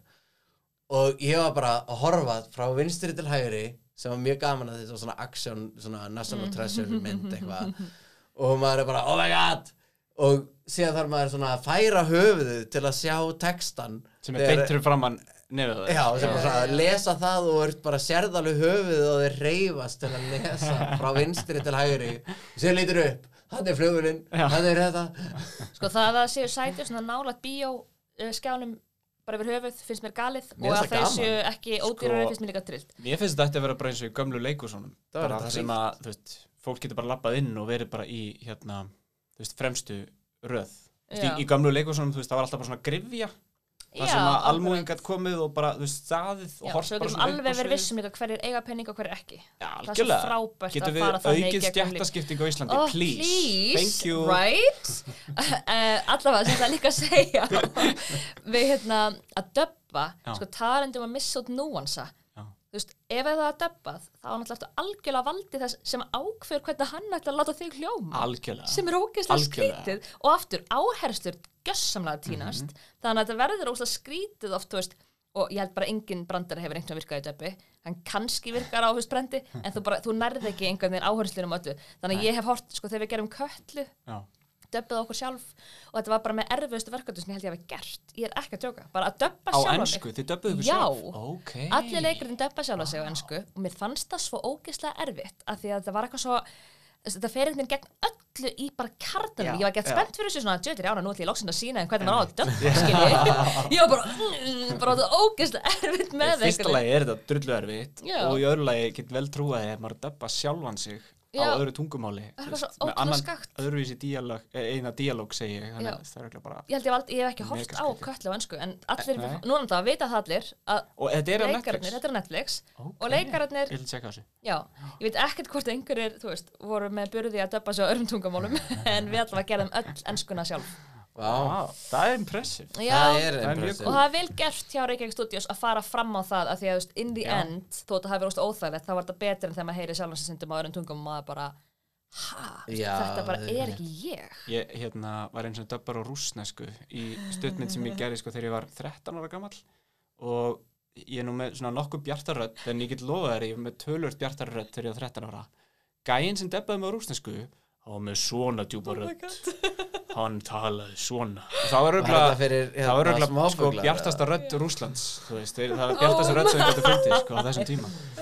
Það er ógeðslega fyndið. Já, það var smáfuglar ég man í broti mitt þegar ég hlustaði á sjálf mig það var einhver kona sem talaði sem væri með miklu og var með miklu skrækari rödd en ég. Já, var að tala spænsku. Já, og það var, ég, með leiðin sem ég var að horfa á spænska sábápri ég var bara, þetta er rosalega fyndið. Telenovella já, þetta var algjör telenovella stemming, sko. Þú finnst þess að fyndið, þú veist, eins og vinið minni í. Þískalandi eru bara eitthvað svona Friends er ekkert fyndið, þú veist. Af Því að þeir hafa bara heyrt það sem Hæja, þú veist, eitthvað svona Þú veist, bara allt Ross er allt langt aðrar finnastur raddir. sko í Þýskalandi langt finnastur karakterinn já. ég reyndar, mér finnst hann geggjaður en ekki, ekki það en já, En mér, mér finnst þetta sorglegt að þetta líka bara lokar þig fyrir því að venjast þú veist, öðrum tungumálum og einhvern veginn svona Já. að opna þú veist, heiminn að því hver, þú veist, maður hefur heyrt önnur tungumál og hugsa, hvað er fallið tungumál, ég vil læra meira, ég vil vita meira en þú veist, alltaf að ganga út fyrir því að þitt tungumál sé þú veist, í rauninni, það The eina sem er language. og ég menna, það er ekki um þjóðir sem ekki trúa því að þeirra tungumál sé æðra en önnur tungumál Ú, þú veist, þetta er bara svona já, minnst þetta bara einhvern veginn snuða fólkum menningararf annara landa og einmitt að heyra mismundi framburði og, og löndin líka verða miklu einangraðri fyrir vikið Já, og læri það eru- tolerans fyrir fólki sem er síðan kannski með reyma og annað, Nákvæmlega. þú veist. nákvæmlega Alls Þannig að já. Ég er búin að reyna að fylgjast með Ég hef þurft að pissa áður en ég byrjaði sko. Ég verð að hlaupa niður. Ekkert mál. Þið haldið bara við á Þið haldið bara áfram. Við höldum partíinu Ég gangandi. hlusta á þetta meðan ég heit þetta. Ok, eigum að rekja örkina snóa, fara frá upphafi.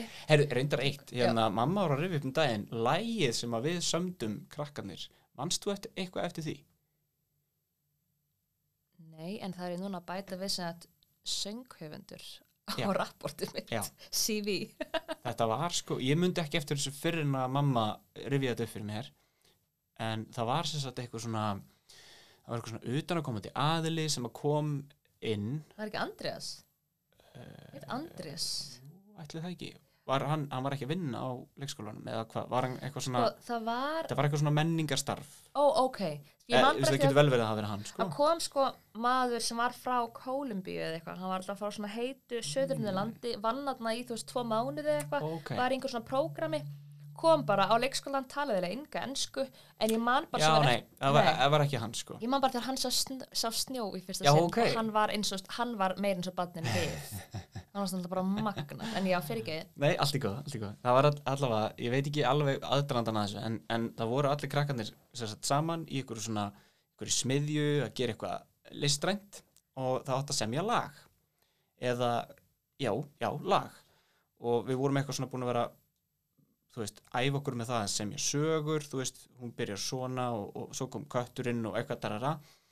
Uh, og, og þá voru eitthvað svona tónlistar smiðju kensla, eitthvað, ok, og hvernig myndum við, þú veist, hva, nú ætlum við að semja sem að lag, krakkar, það var bara það sem var sagt.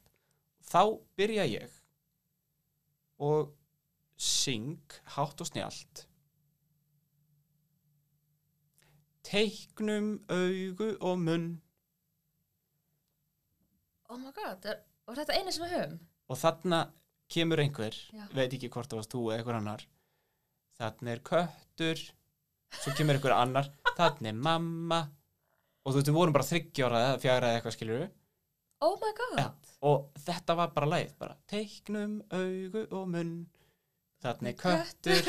hér er mamma. Og svo kemur eitthvað svona la la Og ertu la með, la la ertu la. með hérna Manst þetta bara? Nei, ma mamma myndi mig á þetta allt saman sko. ég myndi þetta ekki fyrir hún, fyrir hún sagði þessa fyrstu línu og þá fekk ég bara svona þú veist, flashback, mindblow dæmi, skilur við Það hlýtur, ef þetta var ef það eru til einhverja heimildur um þetta Mm. þá hlýtur þetta vera til bara hjá leikskóla kennirunum eða hérna Já, alveg örglega, sko og ég er alltaf með beina tengingu ég þarf að senda Já. ég þarf að senda Já. Heyrðu þetta var náttúrulega kast. Mér finnst svo magna að pæla í því hvað maður man, að það var ég hvað ég man ógeðslega lítið úr hlutum sem gerðust ekki fyrra. Það er eins og sé bara svona endalaust verið einhvern veginn að þurka út, styrka út, væp, væp, væp það ska, það ó, það svo, það er svo frustrandi. Það er svo erfitt að heyri sem fólk segja eitthvað svona bara, já, hérna ég man eftir að fara því, hinga og þanga og eitthvað bara, ha, þú veist eins og háls? Og ég bara, ég man ekki eftir mér fyrir bara svona einhvern veginn eftir táningsaldur. Nei, en það er yfirleitt samt talað um að þá verið átt góða æsku. Ó, er það? Tráma fría æsku. Já, þannig að gerist bara ekkert merkilegt þannig að það var ekkert þess að Ángríns. eða, eða finnst það fólk segir, já, þá er það einmitt öfugt. Þú varst með svo mikið tráma Já, þú að að þú út. öllu. Já, það getur líka verið þannig sko. það er en, það- en það er yfirleitt samt það er yfirleitt samt að þú ert búin að þurrka út þá ákveðin augnablík eða svona ákveðin svona tímabil Já, sko. eins og til dæmis frá, þú veist, 0 upp í 16 ára það er tímabil. Já. Ég tel að líklega að segja hinn veginn sko, Mm. Já, á nei, þess að var eitthvað um, um þína æsku sko. það var æðsta rós til fóreldris bara ég man ekkert eftir neinu bara æði, bara, ok, það var job. mitt já, ég vil eiginlega bara, það er frábært að það fórst bara einhvern veginn svona á einhvernum automatic stillingum í æfin ástöngum það var ég að standa grein á vísindavefnum uh, um way, saurblað. ok geggjað og ég er hvað? búin að fá staðfestingu frá Badda við megum segja hverjir leikstjórar eru þannig að gefum Ella Æðislegt. Þeir eru sörblað Já, Uh, Það eru engar heimildir um það. Það veit engin neitt. Það er eins og þetta rati Elsta dæmi um saurblað er sko í seðlasafni orðabókar háskólans. Uh, Það er post, úr postilu korfin sem Oddur Gottskálskrón þýtti og prentuð var í Rostock, í Rostock árið 1546 ah, æmið er Já, þú kannast við þetta? Já, uh, og hérna það virðist vera að þetta hafi verið sérst haft uh, uh, í skinnbókum Mm. til þess að uh, hérna hlífa bókinni við saur og órinnindum Ná, þannig að þetta var já. við vorum að fara yfir hérna origins af saurblaði já, þú þátt bara að hlusta á þáttin eða vilt fá því svarað en það er, það er ekki alveg á hreinu af hverju það heitir saurblaði en, en það er líklega til þess að hlífa bókinni við, við saur Já. Já, já. Uh, ég er búin að fá staðfestingu frá Baldvinni Seta að við megum segja hverjir leikstjórnir eru. Þetta er opinbert. Þetta eru opinberar upplýsingar. Má bjóða þér að til. Nei, please Það er Álfeður Marta. Legend Já, og áður en ég segi hinn, þá er svo gaman að segja frá því að Mm. Álfeður var second AD en okkar í Svartasundum 1. alveg rétt Já, og oft bara first AD að því að second, nei, first AD okkar var að- stundum að hoppa milli þess að vera á kameru og ekki. Þetta er náttúrulega, þetta var mjög flæðandi sett. Það gekk mjög vel. Fólk flætti svolítið inn úr störfum. Algjör. Já, fólk var svona bæði, bæði í cateringu og að leika og var að gera alls konar. En það var, Hljómaði svo að allir hefur verið reknir Nei. Flæði mjög Flæðandi mikið sett. inn og út úr störfum Já, sko. Nei, andstæðir við það. Það verður nú að segjast að settið, fólk er mjög ánægt almennt með settið á Svartasundum. já, um, það bara gekk óksla vel fólk var náðu allir ótrúlega vel saman og þetta helst uh, bara svona, já, helst eiginlega meira minna frá upphæð til enda sama fólkið fólk er yfirleitt mjög ánægt með svona glassriver sett Já. og við náttúrulega eigum það líka, við vorum að taka í veist, taka upp í svona andarsliturum eh, einangrunnar þannig að Mm. fólk var heldur ekki að rjúka í önnur verkefni Nei, og, við, og Baldin tala svolítið um það að þetta var veist, rosalegur luxus að vera ekki að missa leikara í leikhúsin eða í önnur verkefni og krú eins og bara er búið að vera sko, skortur á krúum hérna. Já. Herra, Alfeð Marta sem allar að uh, Já. taka, ég held að þetta sé fyrsta sinn sem hún leikstýrir þáttaröð, leik, er leikinni þáttaröð. Já. Já, Við vorum skemmtilegt að segja frá því saman í grunnskóla Jú, hættu nú alveg. Ekki frá grunnskóla. Nákvæmlega. Um, Og síðan er Erlendur Sveinsson. Já, Hann ætlar að líka að hann er leikstýra. líka fokki legend Já, ég nefnilega hef núna kynstunum í tvo tíma. Já, ekki nema. ekki nema en hann gaf frá sér ofsalega góð orku. Já, hann er rosalega mikið ljúfmenni. Já, ég er líka bara búin að heyra ótrúlega góða hluti. Þannig að hann og Álfeyður og Baldvin verða leikstjórnir okkar í Djöfis þessari teimi maður. Já. Þetta er fjandans teimið Þetta er maður. alvöru. Já, þetta er mjög spennandi og örgulega líka fyndi fyrir þau, Álfur er með bak, baksögu í Svörðarsundum, en örgulega mitt eins og fyrir þig, svolítið fyndi fyrir hann að koma inn í þetta að fara að vinna með fólki sem er búið að vinna saman og búið að skapa heim. Þannig að, Já, það er eflaust ákveðið challenge. Já, Akkurat, enda þegar við vorum í hérna samlesturinnum um daginn sem var, þú veist, allir leikararnir og svona koma og lesa fyrstu tvo þættina já, þá var, hérna, þá var ég og hann bara svona dálítið við kaffivélina að spjalla saman sko. Þú og Elli Já, af því að þetta var svo mikið svona reunion hjá öllum. Já, já, æju Já þið þekkist ekki neitt. Eða Ha. þekktust ekki neitt. Jú, við þekktum, já, við þekktum Ég sko, skilji, en ok. hérna Það er svona fundið hvern annan. Elli á Ella. Þú veist, sure, ég náttúrulega þekki handriðsöfundana og Já. hérna, en þú veist, og búin að vinna með ykkur í marga mánuði núna, en síðan þegar svona allt teimið kemur inn og það er allir bara svona, yeah, það var og, svona uppskera, líka svona spenningur þú veist, hvað erum við að fara að gera? Þetta er svona daldið eins og hérna, eins og þegar ég mætti, mætti hérna, svona frumsýningu, frumsýningapartí sem hérna handriðsöfundur, ég man þegar ég gerði það fyrir hérna myndina sem við skrifaði með Óla Arnalds og það var svona kom ég inn og ég hafði ekki tekið neitt þátt í framleiðslunni. Og ég þekkti ekki eina einu sem hann, ég þekkti bara Óla og leikstjóran sem var ekki þarna. Mhm. og allir vildu náttúrulega tala um Óla þetta var hans mynd. Mitt þannig að ég var svona, all right. Gæðin út í hotni Já, og allir eitthvað svona, ég heldur að ég veri svona plus one eitthvað og ég kom bara einn. Og þau bara svona, hæ, þú veist, já, eða, Það er svo ég, ég er ekki að segja að það hafi verið vandræðilegt Nei, þarna. nei, en það er alltaf Það er alltaf ákveðin það- tilfinning sko. Það er alltaf þar, þar sem þú ert bara svona handritsöfundurinn Einmitt. Ég myndi velti fyrir mér, sko, fyrir handritsönda að því núna hef ég, veist, ég er ógeðslega involveruð í svörtasundum, augljóslega. Já, Bara hvernig er það að skrifa eitthvað, þú veist, eins og núna, ef ég ímyndum mér vinnuna sem ég er búin að setja í svörtasönda og segja bara að sleppa tökunum og skilja þetta bara eftir í höndum einhvers annars Einmitt. og bara, og sem fara bara í bíó já, fara sem bara í bíó og mæta bara, þú veist, bíó. sem einhver random manneska í partí. já. Já, Og þú veist yfirleitt þú veist, sem handritsöndur veist að ok, þessi hérna er að leika þennan karakter sem ég skrifaði og þessi hérna er að leika þennan og þessi var að klippa og allt svona Þeir hafa ekki hugmynd um hver þú ert. enginn hver þú ert, ekki neitt Nei. enda verði ég að gefa hérna, Óskari Þóri hérna, ákveði kredit fyrir það að hann ég held þetta sé hefð hjá honum en hann allavega gerði þetta núna fyrir, fyrir frumbaran á Napoleon eða Napoleon að hérna, hann bauð öllum í mat þú veist, bauð öllum leikurum Vá, mat æði. handritsöfundunum sem að er býr í Írlandi á Írlandi, I don't know þannig að við vorum búin að hitta hann og þú veist, þekktum svona the core Já. people áður en við fórum Hann gerði þetta bara fyrir hann. Nei. Já, nei, þetta make a sense. Nei, en, að- en líka, sorry, ég grifir fram mér en þú veist, það voru líka margir sem ég hafði aldrei sko, hitt af leikar á hópnum þess að ég var bara einfallega ekki með henni í sen Já.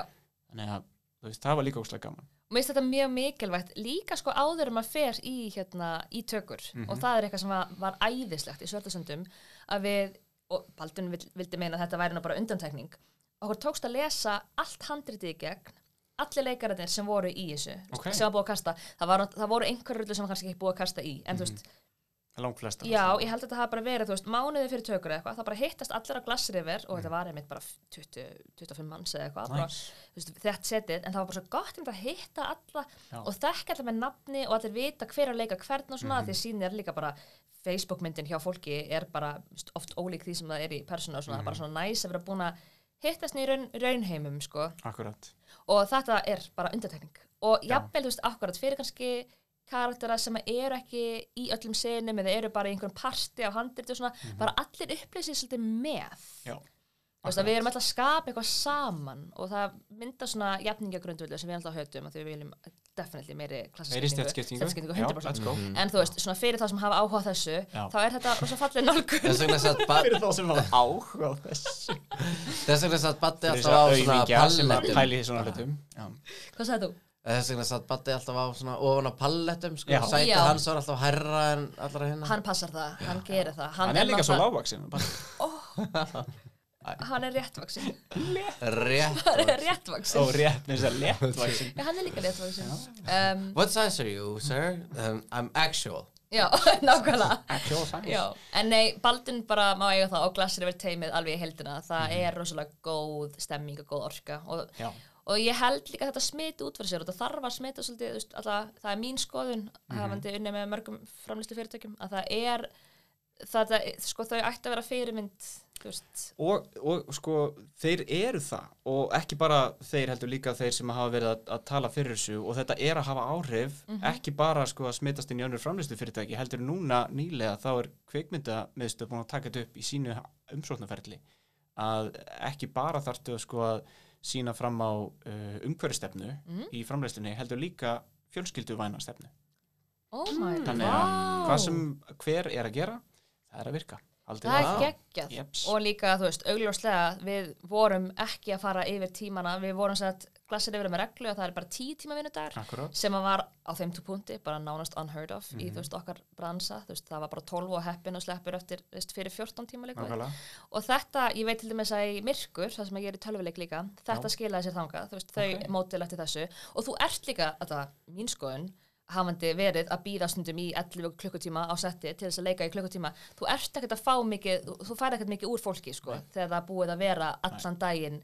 Þó það sé ekki einu svona leika bara allt lengra en tíu tímar er bara ekki endilega að gefa þér betri result. Alls ekki. Og, og þú veist, ef við tökum leikarana bara út fyrir svega með krúið sem að er kannski að vinna 6 tíma daga, er 12 tíma dögum þú, þú veist, þú ert bara að fá fólk sem er langþreytt, sem að gera mistök, sem er lengur að hlutunum, lengur að hugsa, þú veist, þú ert ekki að fá Mistök bestu gerast. útgáfuna af fólkinu Einmitt. sem er að vinna við þetta. Þetta er óslega góð punktur, þegar maður gleymir því sem leikarar þá auðvitað förum við bara heim og síðan kannski kemur tveggja daga, þryggja daga, veist, depending á hversu mikil viðvera er, Já. en það kemur kannski einmitt bara smá breyka milli, síðan allt í henni fattum maður bara þú hefur mætt 5 til 6 daga vikunar Jep. í 12 tíma. Hvern einasta dag? Já, og þegar að stundum verið að tala um 12 tíma þá er samt ekki gert ráð fyrir sko undirbúningi og líka rappi, það sem að verið er að taka allt saman. Þannig þú og veist, traveli síðan Og að vinnustanum og frá vinnustanum. Guð minn góður, einmitt, sko þegar travel er tekin þá getur stundum verið að vinna í 15 klukkutíma. Og travel er ekkert auðvelt ég meina þú ætti að hafa einbindingum en og keirir allir í rétt að vona. Þess vegna ætla ég að spyrja, þú veist eins og á, þessu stóra verkefni sem ég var loksins að hætta í hérna, að því að bara búið að heldtaka lífið mitt aldrei. Hérna, þú veist, callsítið leit alltaf freka vel út, bara svona, Já. heyrðu það er bara, today is a 10 and a half hour shooting day. Já, síðan þarf maður að mæta upp í stúdíó hálf, eh, hérna, klukkutíma fyrr til að geta verið komin upp að sett hálftíma fyrr. Og síðan er travelið tilbaka og þú veist, ég þurfti neitt aldrei að pakka henni niður og þegar ég var bara stand-in en hérna en, en þetta var alltaf meira en 12 tímar einhvern veginn. Já. þó að maður svona, heyrðu, þau eru bara að skjóta í tíu og hálfum tíma. En hins vegar sko, það, það er reyndar sko sérstaklega á við um erlenda framleiðslur vegna þess að þar ertu í alvörin að tellja shooting hours. Já, En en á, á íslenskum framleiðslum þá ertu bara að tellja frá því mætur í vinnuna og þú ert búin í vinnunni. það var einmitt spurningi sem ég ætlaði að reyna að En, spyrja en hins vegar sko er eru samningar við, við erlend hérna eh, sko, hvað sem er, erlend union og svoleiðis, það fer allt eftir shooting hours og Já. þú mátt vera með ákveð buffer sikkurum megin við shooting perioduna sem er rap og, og, og prep og, og travel og, og Uh, ok, það svara kannski á spurninginu sem ég var með sem er þegar þið eru að skjóta svörtsanda tíu tíma vinnudagar því það frá því að þið komið í vinnuna og hættið í vinnunni eða er það tíu tíma tökudagar? Það þýðir að þú mætir í vinnuna og þú sest í stólinn og það er partur af vinnudeginuðinum síðan skýturu, síðan þarf að klára hálftíma fyrr af því það er tíminn sem er gefinn til þess að rappa. og stundum er það náttúrulega mjög tæft og þú veist, svona sliðsinn gerast en þá er það líka bara, glassir yfir borgar líka bara yfirvinnu Já. og það var, ég held kannski að það hefði einu sinni eða tvisum sem ég fór yfir yfirvinnu Já. en skil ég þetta, þetta, til dæmis þetta þegar ég stundum hugsa svona, já, heyrðu, hérna, ef ekki bara að rúlla þess að senu, gera manna einu svona en við höfum alveg þú veist, 40 mínútur Já. Nei, Aldís, við höfum, við höfum tíu mínútur. Já, af því eftir hálftíma þá þurfa allir að, nei, eftir tíu mínútur þá þurfa allir að byrja. Já, að taka til. Eftir 40 myndur þá viljum við að allir séu fara þá er allir farin heim. Já, akkurat. Mhm. og þetta er allir með fjölskyldavænastefna glasir og auðvitað, kannski glasir eru að fá geð mikið hrós. En bara, jáður, þau eiga það bara skilið. Já, að því ég hefur 100%. ekki reykið með á það og ég Nei. hef ekki unnið með öðrum fyrirtækjum eftir ég verið uh, í Svartasöndum ekki öðrum framlýslu fyrirtækjum svo í munni Mhm. þannig ég veit ekki alveg hvernig þetta er en þú veist, allavega sem þú ert að segja mér hljómar Elli, hljómar svolítið eins og þessi kúltúr sé Já, það- ég- það skilir sér það ekki er öll bara eins og verkefni. þetta er. Það eru klálega, það klálega sum sko framleyslu fyrirtæki sem að eru að svona státa sig aðeins meira af því að vera komin í tíu tímana afsaki en það eru yfirleitt fyrirtæki sem að eru með, með tíu tíma shooting Mhm. og þá ertu með hálftíma sikkur megin með 11 tíma í rauninni og svo, svo er oftast bara tekin sko running lunch þannig að þú fer ekki eins og setjast niður og bara hátíðismat einmitt, það er líka annars en glasir þannig að þú ert í rauninni, tæknilega séð ertu bara í 11,5 12 tímum sko. já, einmitt. Þannig að þú ert ekki að græða neitt. En, Nei. en þeir samt, að því að það, það þykir svo fínt að vera með 10 tíma tökudaga já, að þá eru þeir að nota allt sem þau geta til þess að geta sagst vera með 10 tíma hvað er leitt að heyra. í, í, í hérna gæsalöfum tökutíma. Einmitt. Þetta er ógeðslega leitt að heyra því að þú veist, aftur, við erum bara búin að tala um það að þú, það er miklu skilvirkara raunverulega að nýta fólk vel og leifa því að kvílast og líka bara, þú veist, að þetta er þetta býr til eins og allt í samfélaginu okkar þetta býr til mjög eitraða eitraða vinnu, hvað sem er, vinnu siðferði. annað líka, aftur fjölskyldavæna stefnan, að þá vorum við eiginlega alltaf í uh, frí um helgar. já, Bara alltaf. einmitt Það var undantekning ef maður þurfti að vinna laugardag og þá var hann bættur upp í næstu viku. ok, þú veist þannig að fólk sem er með fjölskyldur það er ekki bara að missa af kannski þú veist fyrstu sex mánuðum af sínu eitthvað Einmitt. svona eins og já, eins og á Íslandi og svo hefur líka bara líka almennt get ég verið alveg vel trúa því ég eiginlega er nánast viss um það að þetta spara pening vegna þess að þú 100%. ert ekki að borga þessi crazy hérna laun í yfirvinnu og þó þurfur að bæta við þú veist, þrejum fjórum dögum Mhm. um, það hlýtur að koma út á sléttu við allavega, að við skutum farið daga en var áallað sörtsunda eða ekki? og samt Já. sem áður að nota þessa reglu Mhm. þannig að þarf kannski líka bara smá svona þú veist, fyrirtæki þurfu líka bara svolítið að þóra held ég, veist, að, að breyta til. Það búið núna sína fram á þetta virkar.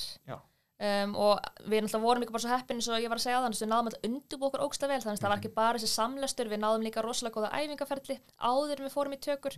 Maður hefur líka verið að mæta ískaldur eða fengi eitt fund með leikstjóra og kannski þú veist í ágættri rullu sem að maður vill náttúrulega bara skila vel af sér og munir náði að fá góðan tíma með öðrum leikurum til að lappa í gegnum senur og það er ekki verið að gera það eitthvað svona heyrðu hérna, já, leikastörun er að koma hérna, þetta er bara svona svolítið hérna, býðið þið bara aðeins og veist, það er líka alveg þannig sko stundum að þetta bara borgar sig, þú veist, þú ert í rauninni bara að búa til tíma og rými setna meir ef þú byrjar snemma í æfingaferli. 100% Þannig að já, mann man myndi alveg vilja sjá þannig kultúr breytast á fleiri vikstöðum Já, að vera ekki alltaf með hérna eins og í sumum svona erlendu verkefum þá svona, sér maður íspílinn koma á miðnætti. Og maður svona þau eru að fara að byggja okkur um að vera hérna viðbót, sko. Það er ding, öllum. oh my god. Oh shit, Oh man. Here we go. En hérna Ok, þannig að þú ert svo satt búin að gera allt þetta sem við erum búin að tala um þú veist, en nú ertu já, nú erum við svona búið með kynningun á þér. Já, Eh, hérna, Við byrjum hann þá? Mér langaði eiginlega bara að spyrja hvað, við hvað sér þið næst? Þú- eins og þú minnst á, þá ertu í tölvuleikjum þar sem að þú ert karakter á tölvuleikjum og ert hvað í svona green screen og allt þetta og síðan ertu þú veist að skrifa og þú ert leikona og Væntalega ekki green screen, er það ekki motion capture? Jú, Motion ég er að capture. leiðir þetta ekkert fólk Please leiðir þetta Því að, þú veist okay. Já, bara Já, leiðinlegt, motion capture, þetta er, þetta er alltaf miklu þetta er, finnst mér, þú veist, miklu stærra en svona grínskrína því þú ert já með fleiri hund, að tugi mil, hérna myndavela sem að hver einasti fingur er tengdur við eitthvað og knúk, hérna, hvað segir maður hjúkurnar, Kjúkur hjúkurnar Já. þínar á fingurnum eru meira sem með svona Já. skinnjurum á Já, það. Já. Er. Já, ég hef farið sko í augn skanna þar sem var skannaðar á mér bara sko rettínað, hvað heitir Já. það hérna Bara, hérna augasteitnin Augnhimnan og já, og allt já. og líka farið þrývitarskan á tönnum Í alvöru? Já. Jesus Christ Þetta er ótrúleg þróun sem er í gangi Damn. Þetta er galið Þannig að ef þú vilt einhvern tíma feika dauðaðinn með því að setja svona fake dental records eitthvað, eitthvað, þá getur þú bara, þú ert Já. með allt datað Þú meinar ef einhver annar líka Já, hver sem er getur. Getur feika döðaðin í tölvuleiki allavega Já. En bráðum í raunurleikunum Mm. En hvað er What? Já, joke, nei, já, hvað er framöndan? Já, þú veist, langaði að halda áfram í handréttaskrifu, þú veist, myndur þú vilja gera fleiri sjónvarserjur er það bara svört og svona þrjú? Er, þú veist, hvað Má ekki tala um það, that, cut that, cut that. Um, það er góð spurning, sko síðast ár var rosalega rólegt hjá mér og ég var alveg komið með massívan kvíða sem að maður á að hætta að gera sem leikari, af því að maður veginn hlutin rettast alltaf, en maður er alltaf með, búin að missa trú á sjálfum sér og Jeps. umkörni sínu, en um, núna, þannig að síðast ár var mjög gott fyrir skrif, en þetta ár er alls ekki þannig og það er rosalega, já, það er náttúrulega uh, versta, versta hérna, svari heimi, ég má nú ekkert segja. Um, en jú, við verðum í tökum á Myrkur Games leiknum núna í uh, sömar, síðan fyrir við bara í tökur á svartasundum uh, setni helming í haust og vetur. Og síðan eru svona, já, ákveðin verkefni sem að fer svolítið eftir bara tökur sketsjurinn okkar, hvort það gangi upp. En það er ekki mikið rými til þess að skrifa akkurat núna og aftur, þetta var ekki eitthvað sem ég beint valdi mér þannig að ég hef aldrei upplifað sérstaklega þörfina til að skrifa og eins og hérna, kærist minn, hann er mjög góður handritsvendur fyrst mér og ég þú veist, horfi á hann vinna og ég hugsa svona, ah, ég er ekki með sömu þörfina og hann til dæmis. En mér hefur þótt þetta mjög skemmtilegt þannig að ég ímynda mér í réttum kringumstæðum með réttu fólki að þá gæti ég gert það og hefði gaman að því og myndi ég að vilja gera það. Ég hef ekki sjálf bara viljað setja sér um að tölvu og bara, veist, ég hef ekki fundið svona, ég verði eftir að koma svo blað. einhverju frá mér Nei.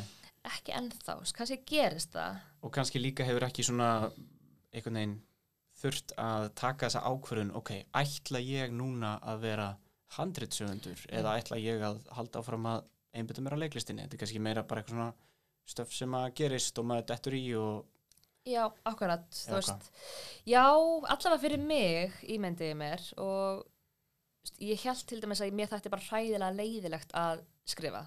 Þannig að maður er alltaf komast að einhverju nýju. Ég gaf það alveg út þegar ég var í listaháskóðum ég myndi aldrei skrifa handrit. Bara, þetta er að ég veit. Við vorum neitt til þess að skrifa handrit að hérna, lokaverkefni okkar og ég var bara veist, ég hugsaði með mig bara ég hætti áður en ég gera Ok. þetta bara það var bara þannig þannig að Ég hugsa reynda þannig um klippiherbyggið sko en, en mér finnst ógeðslega gaman að vera inn í klippiherbyggið með einhverjum sem að kann að klippa og það er sem maður er að koma með hugmyndir og síðan er það allt í einu komið á skjáin já, en það að það sé þryggja klukkutíma buffer þá get til að ég get séð þá hugmynd sem ég var með og síðan Já. svona, oi þetta var ömulegt undo, undo, undo. fyndið sko að tala um þetta mér finnst nefnilega mjög gaman að klippa. Já, það Mér líka. Ég, já, og ég hérna Psykopatar Við erum bara með svo mikla þetta kom bara frá örkinn að snóa. Hvað get ég sagt? Við læriðum þetta bara það við, við erum svo stjórnsum við þurfum einhvern veginn að ráða yfir öllu Já, og fengum aldrei að hlaupa með skæri. Nei, Þannig að núna erum við bara að taka það út í Já, klippi. um. Nei, sko, veistu, ég held ég hef aldrei talað um þetta. Þegar ég var á úlingsaldri þá klifti ég sá gæti maður svona downloadað af YouTube myndböndum. Það var svona, there was a way where there's a will, there's a way. Sure. Og ég klifti saman heilu myndböndin yfir, þú veist, einhver lög sem ég þótti skemmtileg. Já. Og síðan downloadi ég bara fullt af myndböndum og bjóð til nýtt myndband úr alls konar, þú veist, öðrum efni við. Ok, og þetta var bara, þú veist, ég gæti eitt sko sólarhingum í þetta. Í Já, og núna er ég ekki lengur að downloada því ég ger ekkert ólulegt við listrænt efni. En ég klifti saman sjórili mitt Já. og fekk frábæri viðbröð við því og fekk alveg svona aftur bara, mm, ok, þetta er eitthvað sem er mjög skemmtilegt að gera. Þannig að gæti alveg verist í framtíðinni geti ég sér fyrir mér að fara í kannski svona einhverja, hvað sem er hérna aðra hluta kvikmynda gerðar eða framleiðslu hvort að ég muni virkilega setja mig skrifhattinn svona fully? Veit það ekki en það er rosalega margt sem mér langar annað að gera. Mér langar að leikstýra Mhm. og mér langar rosalega mikið líka að skilja framleiðslu betur, ég hef áslega þörfa til að skilja, núna skilja hvernig skrif virka það er geggjað, mér langar ógeðslega mikið að skilja hversu erfitt það er að koma einhver á legg. Mhm. þú veist, Svo það framleiða? Já. Ég held að það sé, þú veist mér langar alltaf bara að skilja það, ég átti reynd að fá þau til þess að, en þau eru svolítið svona uh, það myndi setja ógeðst mikið auka álaga okkur að útskrifa allt fyrir þér á meðan vera maður þessu þannig að, figure it out yourself, skilur Já. en mér hefur oft langað bara að fá svona kurs í framleysla, þetta er eitthvað sem við lærum ekki í skólanum ekki á Íslandi allavega. Um, þannig já, það er margt sem ég langar að gera. En akkurat núna þá er bara næsta ár, eða þetta ár og örgulega jafnvel fyrir helmingu næsta árs frekar undir aður sko. Það var bara tölvuleikir, svörstustandar og leyndamál Jæja. Og, Hann er fyrirsögnin, hann var hún. Titillin og mingar þá kvíðin á móti? Já, rækilega. Kvíðin verður þá náttúrulega bara annar í staðinn um, hvernig þetta er láta allt ganga kvíðin, já. en það hefur nú alltaf reddast Mhm. einhvern veginn, fyrir tilstilli alls konar kraftverka um, en jú kvíðin mingar, fjárhagskvíði er ekki hollur fyrir neitt held ég. Nei. og hvað kent í skólunum að þú veist það að vera bara að svelta væri eitthvað besta hvað sem er bara bensín fyrir sköpun ég er svo ótrúlega ósamlega ég er gersamlega ósamála ég líka bara sko. þólet ekki, ég Já. finnst þetta ógeðslega eitrar hugsunaráttur og þetta er Mhm. svona einhvern veginn þetta er svona partur af hustle culture-inu sem er búið að vera tröllir í það öllu Einmitt. og mér finnst bara ef þið, ef þið líður ekki vel þá ertu ekki fara, allavega það er ólíklegt að þú skapir eitthvað vel ég hef allavega aldrei gert neitt ógeðslega svöng og ógeðslega þreytt sem var bara eitthvað svona wow, Nei, þarna var það. Nei, ég hef alveg verið handurshöfundur sem að er að svelta og ég fer bara að sofa sko. akkurat. En en ekki, þú veist, þá er ég bara svona hei, vona ég vakna ekki svangur á morgun. Skrifa kannski matarklám eða eitthvað. Já, mér finnst einmitt mjög letjandi þegar það er lítið að gera þá verði ég einhvern veginn minna virkur. Mhm. en þegar það er mikið að gera þá einhvern veginn fer eitthvað í gang og þá get ég gert miklu meira, finnst Já, mér sko. algjörlega þannig samanlega kannast mjög mikið við þetta. Já. Samanbyrja mitt kvíðan líka. Já. ég hérna, allir kannski bara að leiða þetta svona yfir í Gullkornin. gullkort dagsins. Ekki hann nema á að taka gullkornin sko, og meðan hann er að tala um gullkornin þá mátt þú sjá hvort þú sért með eitthvað í huga. Við, alltaf í lokin þá skiptum við á að koma með gullkorn. Bara einhvers konar, engin pressa. Engin pressa þú veist, Engin- við segjum aldrei gestum frá því fyrir en bara núna. Já. þannig að en já, allir hver eru þín gullkorn? Að því að já, sko bara svona með það sem að þú varst að segja mitt Aldís, að þá ég tengi rosalega mikið við þetta. Að vera með svona, þetta byrja kannski ekki sem kvíði, en þetta byrja svona sem bara smá svona gull í malla einhvern veginn svona byttu, ok það er nú ekkert sem ég er með hérna núna þennan mánuðin og ó, heldur ekki næsta mánuð, ok, ok já, já, en já, kannski ef ég byrja að vinna í þessu þá getur það svona dottið inn þarna og svo byrja maður kannski eitthvað að vinna en svo einhvern veginn kemur ekkert inn þannig að maður er einhvern veginn svona verið meira kvíðinn og fyrir að vinna minna og íta hlutum meira á, á undan sér.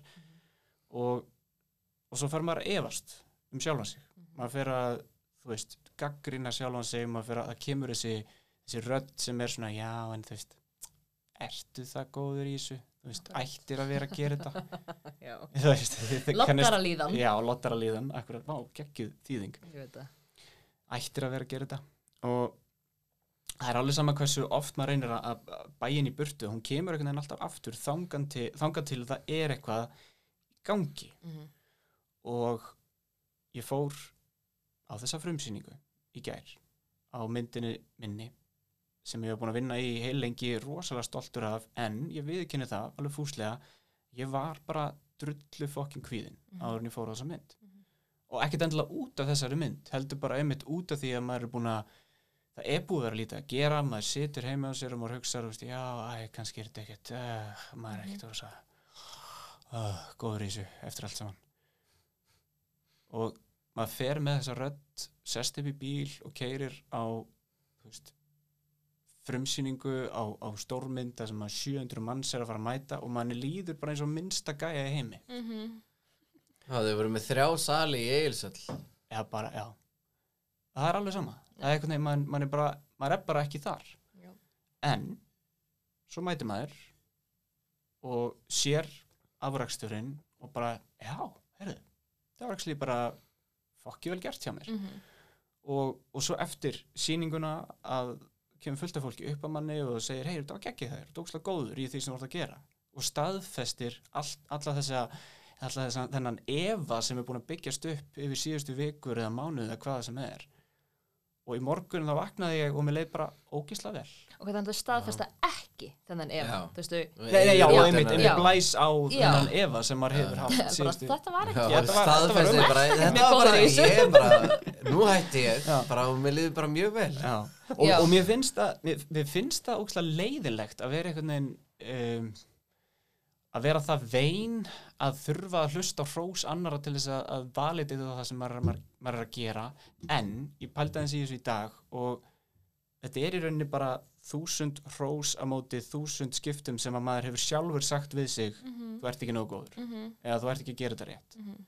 og, og bara á þessu eina kvöldi þá fekk ég þessi þúsund mót hrós sem Akkurat. ég þurfti til þess að nulla mig út Já. skilurðu, og komast aftur á, á núlpunktin þar sem að mér líður ekki vel og get farið að gera eitthvað, skapa og, og vera confident í því að ég sé að gera eitthvað rétt Mhm.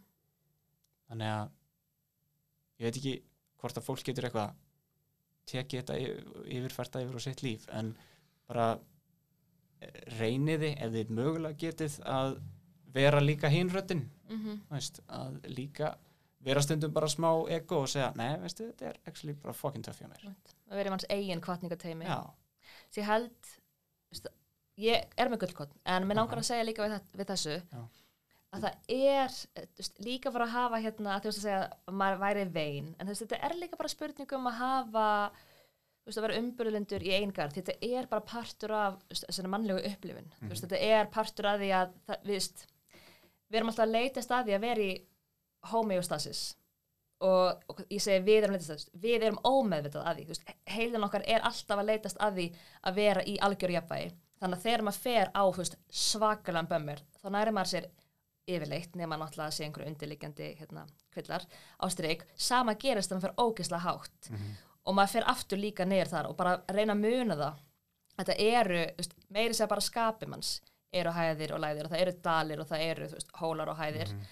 Um, og sem mitt gullkott væri er að leifa ekki sem kvíða þegar það lítið að gera að eigðilega fyrir manni þegar það er mikið að gera.